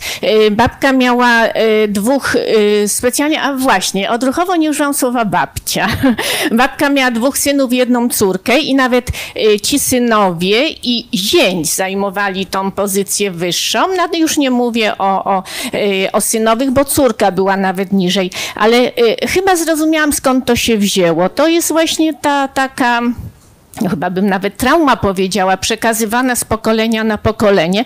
Y, Powiedzieć, że ona była nieczuła, no to nic nie powiedzieć, prawda? Ona była momentami okrutna wręcz. Y, Myślę, że mm, to, co sama przeżyła, później zdobyła jakąś tam władzę, pozycję, no odreagowała, nie wiem, no nie wiem jak to nazwać, po prostu tak, tak a inaczej się y, zachowywała. No ale właśnie książka i, i takie, takie rozmowy dają mi taką refleksję, za co bardzo dziękuję. Ja dziękuję. Bardzo Pani dziękujemy. To ja dorzucę jeszcze jedno pytanie od Państwa, którzy nas oglądają w kontekście tego, o czym Pani y, powiedziała. Czy porusza Pani w swojej książce problem traumy dziedziczonej po babkach? Jest takie pytanie wprost z internetów. Nie używam tego słowa, ale myślę, że ta książka jest w ogóle jakimś takim, no, nie wiem, no, takim pytaniem o te traumy, prawda? Bo, bo, bo moja książka jest bardziej mm, pytaniem niż odpowiedzią. Ci, ci z Państwa może, e, którzy, którzy ją znają, chyba się zgodzą ze mną, a te odpowiedzi przychodzą teraz. Właśnie w takich, takich relacjach jak przed chwilą, prawda? To jest taka opowieść o tym. Więc można powiedzieć tak, w, w pewien sposób tak. Renata po lekturze, tutaj mała recenzja. Tak, dlatego że pamiętam, jak nieoczekiwanie, kiedy czytałam chłopki, przypomniało mi się, przypomniały mi się dwie sceny z moją babcią, z tą, mm, z którą byłam bliżej, mamą mamy. Jedna to, e, jak razem z moją e, równolatką kuzynką, zajmowałyśmy się zabawą i nie dopilnowałyśmy młodszych kuzynów i oni, one głównie, wysmarowały czerwonym lakierem e, do paznokci pierzyny e, e, obleczone ładnie. Cała pierzyna była, em, pierzyna była, pierzyna była, pierzyna była, pierzyna była, pierzyna była em, bitej. To była jedna taka sytuacja, w której e, babcia krzyczała i była bardzo zła i tłumaczyła nam, że myśmy czegoś zaniedbały i to jest nasza wina, nie tych małych. E, I ja wtedy zobaczyłam babcię, która potrafi być agresywna. A druga sytuacja, która też mi się przypomniała w czasie czytania, to jak moja babcia mm, któregoś dnia kot e, taki podwórkowy zagryzł kurczęta. E, I babcia wpadła w szał i chwyciła kota za tylne nogi, tak. Zabiła go. Tak. e, I ja wtedy zrozumiałam, że moja babcia, no taka, no, no nie ciepła, nie czuła, potrafi być bardzo, bardzo okrutna. Ty mówiłyśmy o tym, Joanna mówiła. Tak, bardzo, cztery dzieje się. bardzo okrutna i pamiętam, że myśmy wtedy strasznie płakały, jej wnuki, a ona tłumaczyła, że kot musiał ponieść karę, że to jest po prostu, em, no, to tak a Dzięki. propos brutalnych babek. To ja spróbuję powiedzieć coś. Y, Przede wszystkim bardzo dziękuję za książkę. Wzruszyłam się w ogóle i teraz trudno mi jest coś powiedzieć. Przepraszam. Y, Ja chciałam powiedzieć coś y, dobrego o mężczyznach.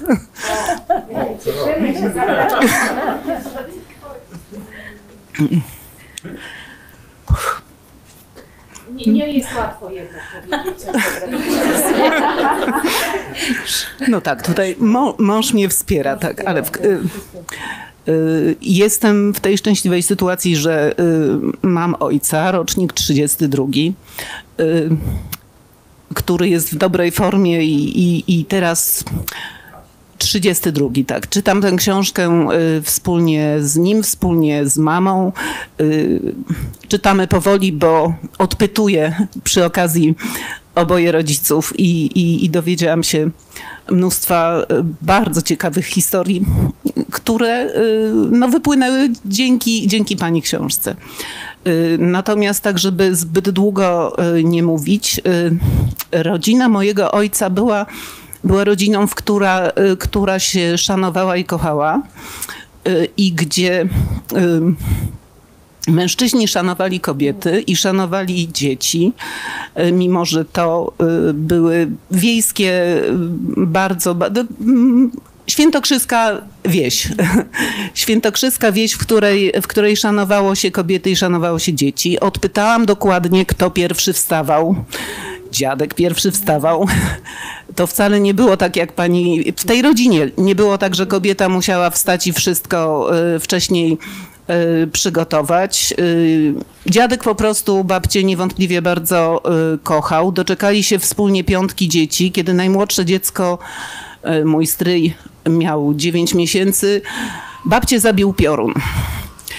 Zginęła, zginęła tragicznie w wieku lat 35.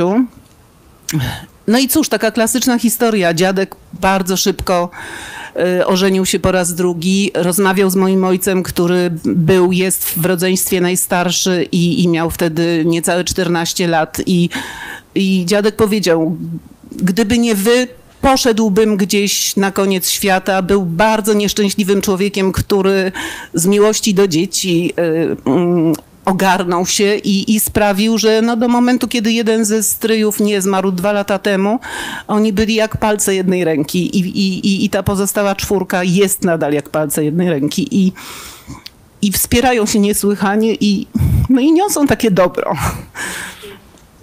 No to myślę, że wystarczy. No, Bardzo dziękujemy. Bardzo dziękujemy za to świadectwo. Proszę pozdrowić tatę, jak tam pani czyta na głos.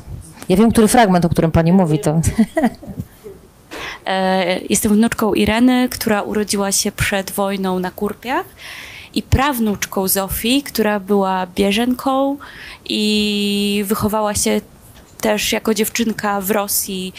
Em, i, pra, i z prababcią, swoją prababcię jeszcze pamiętam. Jestem takim, tak, tak, takim dzieckiem, które mm, wszystkiego o swoich babciach dowiedziało się, dowiadywało się na bieżąco, bo one mi o wszystkim opowiadały i um, pewnie dużo rzeczy usłyszałam, zanim może powinnam była o tym usłyszeć. Ale tu chciałam dorzucić jeszcze cegiełkę do tego, że tak, to my zmieniamy obyczajowość i to my kształtujemy społeczeństwo, w którym żyjemy. Mm, I tutaj takim motywem, do którego się odwołam, jest um, ciąża i spędzanie płodu, e, bo mam dwa wspomnienia. Jedno jest takie, moja babcia opowiada o tym, jak zaszła w ciążę po raz drugi. Moja mama już była na świecie i uznali z dziadkiem, że są, że nie stać ich teraz na drugie dziecko, że są biedni. I była oburzona tym, kiedy prababcia powiedziała, no poskacz po prostu i to wyskacz. I babcia mówi, mamo, coś ty, przecież to jest grzech. A prababcia powiedziała, grzech jest lepszy niż głupota.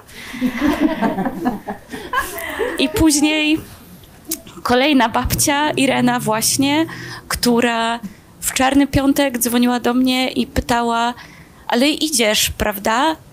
Idź, bo już chyba nic ważniejszego nie może się wydarzyć, musisz pójść. I to jest właśnie o tym, że tak my zmieniamy obyczajowość właśnie dzięki temu, że świadkowie tej historii są, żyją i nam o tym opowiadają. Dzięki. To co, drodzy Państwo, ostatnie pytanie łapię z sali i oddajemy e, Wam już e, do rozmów kuluarowych autorkę do rąk. Dzień własnych. dobry. Chciałam zapytać autorkę, w jaki sposób Pani zbierała materiały do tej książki? Dziękuję. Y, y, Przede wszystkim czytałam i to był pierwszy taki etap jakby takiej kwerendy rozpoznawczej, tak, żeby ten świat rozpoznać. I, I trochę to wyglądało tak, wie pani, czytałam wspomnienia, pamiętniki konkursowe i te wydane również przed wojną. I, i poznawałam to, to życie na, trochę na takiej zasadzie, jak się poznaje kogoś, kogo się właśnie poznało, tak? To znaczy z takim wyczuleniem na to, co było dla nich ważne. Po prostu starałam się, ja jakieś, przeczytałam teraz pa, parę dni temu w jakiejś recenzji takie zdanie, które szczególnie mi się podoba. Jestem za nie bardzo wdzięczna, być może ta osoba mnie słucha, że ja się dałam wygadać tym kobietom, że, że świetnie, że w końcu ktoś się dał wygadać tym kobietom. Mi się to szalenie podobało i, i Coś takiego próbowałam zrobić. To znaczy, tam jest też głos tych kobiet w, te, w tej książce i na tym, mi, e, na tym mi zależało. Mm, e, Nie było to proste, e, delikatnie mówiąc. Ym, Tych materiałów nie jest znowu tak wiele. E, Sięgałam także właśnie do, do e, wspomnień następnych pokoleń, do relacji, bo to jest też książka o pamięci, o pamięci naszych rodzin, o tym, jak myślimy o przeszłości naszych, naszych e, babci, naszych babek. Mm, e, Monitorowałam i apelowałam e, w mediach społecznościowych, a także w prasie drukowanej, e, między innymi w wysokich obcasach. Miałam w odzewie, dostałam naprawdę wspaniałe e, relacje, za które, e, za które dziękuję i e, które wzbo- wzbogaciły tę książkę znacznie. Mm, No i takimi dziennikarskimi, ja jestem w ogóle dziennikarką, jakby przede wszystkim to jest mój podstawowy warsztat, więc tymi, tymi sposobami pozyskiwałam tak zwany materiał, jak to mówimy w tym e, żargonie, a potem, e, a potem e, się nim zasypałam i myślałam, że już z, z, nie wyjdę spod niego. Mm, no ale jakoś wyszłam. Słuchajcie, na koniec Joanna powiedziała o tym, że to jest książka o pamięci też, no to bardzo, bardzo ważne i to powiedziałabym esencjonalne też, je- jeśli chodzi o tę historię.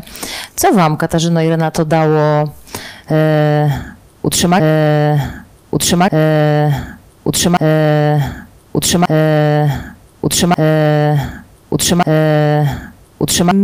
I bardzo się cieszę, że ja w ogóle trochę pandemia mi umożliwiła pracę nad książką Czystka, bo miałam zupełnie inne plany i gdyby one się zrealizowały, no to bym pewnie y, już nie, nie, nie tyle nie napisała książki, ale też bym nie zrobiła tej kwerendy, nie odbyłabym ostatnich e, e, rozmów z ojcem, który niedawno umarł, oraz z innymi członkami rodziny, którzy, którzy jeszcze byli w stanie zrekonstruować wiedzę o moich przodkach.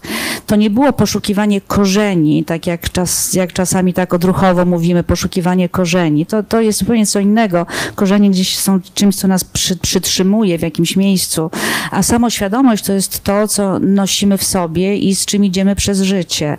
E, I dla mnie to było bardzo ważne. Pamięć tych ludzi, z którymi mogłam jeszcze porozmawiać, czy, czy, czy to, co jest zawarte w dokumentach, które jakoś tam ocalały w listach, e, pozwoliło mi e, zrekonstruować osobowość, charakter, problemy, emocje moich, e, moich bliskich, e, którzy już nie żyją i, i, i sprawdzić, na ile one spłynęły, spłynęły do mnie i, i odnajduję wiele jakichś takich e, spraw w siebie, w sobie, które wiem skąd się jakoś tam biorą, również traum, prawda? I, i to mi daje tak, no to jest taki dla mnie bagaż, sam, samoświadomość, że dowiedziałam się więcej o sobie po prostu. A ty jak się czujesz z tym, że nam trochę opowiedziałaś więcej niż wcześniej opowiadałaś o sobie? Dobrze, dobrze. Ja generalnie, dzięki. No ja, tak, tak, tak, nie, bo e, jak się jest dziennikarką, e, powiecie pewnie dziewczyny, że, że tak jest i ciągle się namawia kogoś do opowiadania bardzo intymnych historii, no to człowiek byłby trochę hipokrytą, gdyby mm, nie był gotowy też opowiedzieć w Ale konkretnych najtrudniej, ale jest sytuacjach. najtrudniej o sobie. E, No, no tak, ale jeśli ktoś, ja, ja, ja ciągle kogoś namawiam, czy, czy zaczepiam i pytam, czy by opowiedział, czy co jest ważne. Y, Czasem ludzie płaczą przy mnie, więc jakoś tak wydaje mi się, że to no, no, no trzeba oddać to, co się dostało. A wracając do książki, to cały czas czytając ją miałam takie poczucie, mm, jak mało, em, jak mało pamiętam o moich babkach, e, jak mało o nich myślę, jak mało o nich wiem. I to było takie, naprawdę miałam takie poczucie, że wracają wspomnienia, takie obrazy i ta pasionka, i ten gnój, e, i to dojenie krów, to wszystko wracało do mnie i to było, to było obezwładniające. To jest moje dzieciństwo, to, jest moje, to są moje nastoletnie lata, więc to było wspaniałe. A gdybyś o coś babki teraz mogła zapytać? No to e, starałabym się ją zapytać e, o te wszystkie zdjęcia, które gdzieś tam leżały e, w domu i babcia nigdy o nich nie opowiadała. To jest to, co mnie zafascynowało w książce. Na tych zdjęciach wszyscy są tak pięknie ubrani, prawda? E, e, Joanna pisze o biedzie, o braku butów, a na tych zdjęciach wszyscy są tacy piękni. Ja to też komentuję w Tak. ten sposób, że ktoś mi E, opowiada jakąś historię biedy i pokazuje mi zdjęcie i pani ma żabot, tak? I, i I moje, w, w, te, te, te nieliczne zdjęcia, które były w domu mojej babki, tej jednej, ja cały czas myślę o tej jednej, bo, bo po prostu do niej na wakacje jeździłam, em, że ja nigdy nie pytałam, że ja nigdy nie rozmawiałam, że ta babcia cały czas gdzieś krążyła, ale nie było takiej okazji. E, I tak naprawdę to żyją jeszcze tylko dwie córki babci, trzy. Nie, dwie córki i, i, i syn. E, I że ja muszę zapytać, no, czy, czy jeszcze są te zdjęcia, co one mogą mi o tym opowiedzieć, co wiedzą. Kasia w, jeszcze przed wstępem do swojej książki rozrysowuje historię rodziny. E, że też nigdy mi nie przyszło do głowy, że to jest ważne i że to można i że są przecież parafialne księgi, w których można coś, w których można coś, w których można coś, w których można coś, w których można coś, w których można coś, w których można coś, książkę i, i udało mi się już tak y, mm, ustalić kilka generacji, no naprawdę z cztery. Z, y, to akurat z terenów y, Galicji. E, no nie, niesłychane rzeczy tam odkrywam i, i jest to taka e, wielka radość i, i satysfakcja pobudzająca wyobraźnię, także bardzo, bardzo zachęcam do takich poszukiwań. To można zrobić też w internecie częściowo. Drodzy Państwo, to następnym razem, jak się spotkamy w tym gronie, to przygotujemy te warsztaty z dojenia, e, o których mówiliśmy i też przygotujemy się, przygotujemy się też z dziewczynami i będziemy w chustkach, bo proszę zwrócić uwagę, jak ważnym elementem jest chustka. O tym też Państwo poczytają. A skoro obiecałam, że będzie dobry męski akcent, to będzie. Polecam Państwu, pewnie Państwo to znają z lekcji historii, ja pamiętałam, ale nie tak dobrze, Wici, Związek Młodzieży Wiejskiej, który powstał w 1928 roku i z takim hasłem Państwa zostawiam. Niech mężczyźni zajmą się kobiecą pracą. Kobietę trzeba wyręczyć i pracować wspólnie. Nie tak jak jest teraz, że mężczyzna robi to, a ty masz robić to, czyli praca jest podzielona. Jedno pracuje za dużo, a drugie za mało. Tego być nie powinno w rodzinach. To są słowa wypowiedziane przez mężczyznę Józefa Ładzińskiego i takich mężczyzn dzisiaj nam również trzeba. Pięknie Państwu dziękuję. Wielkie brawa dla nich.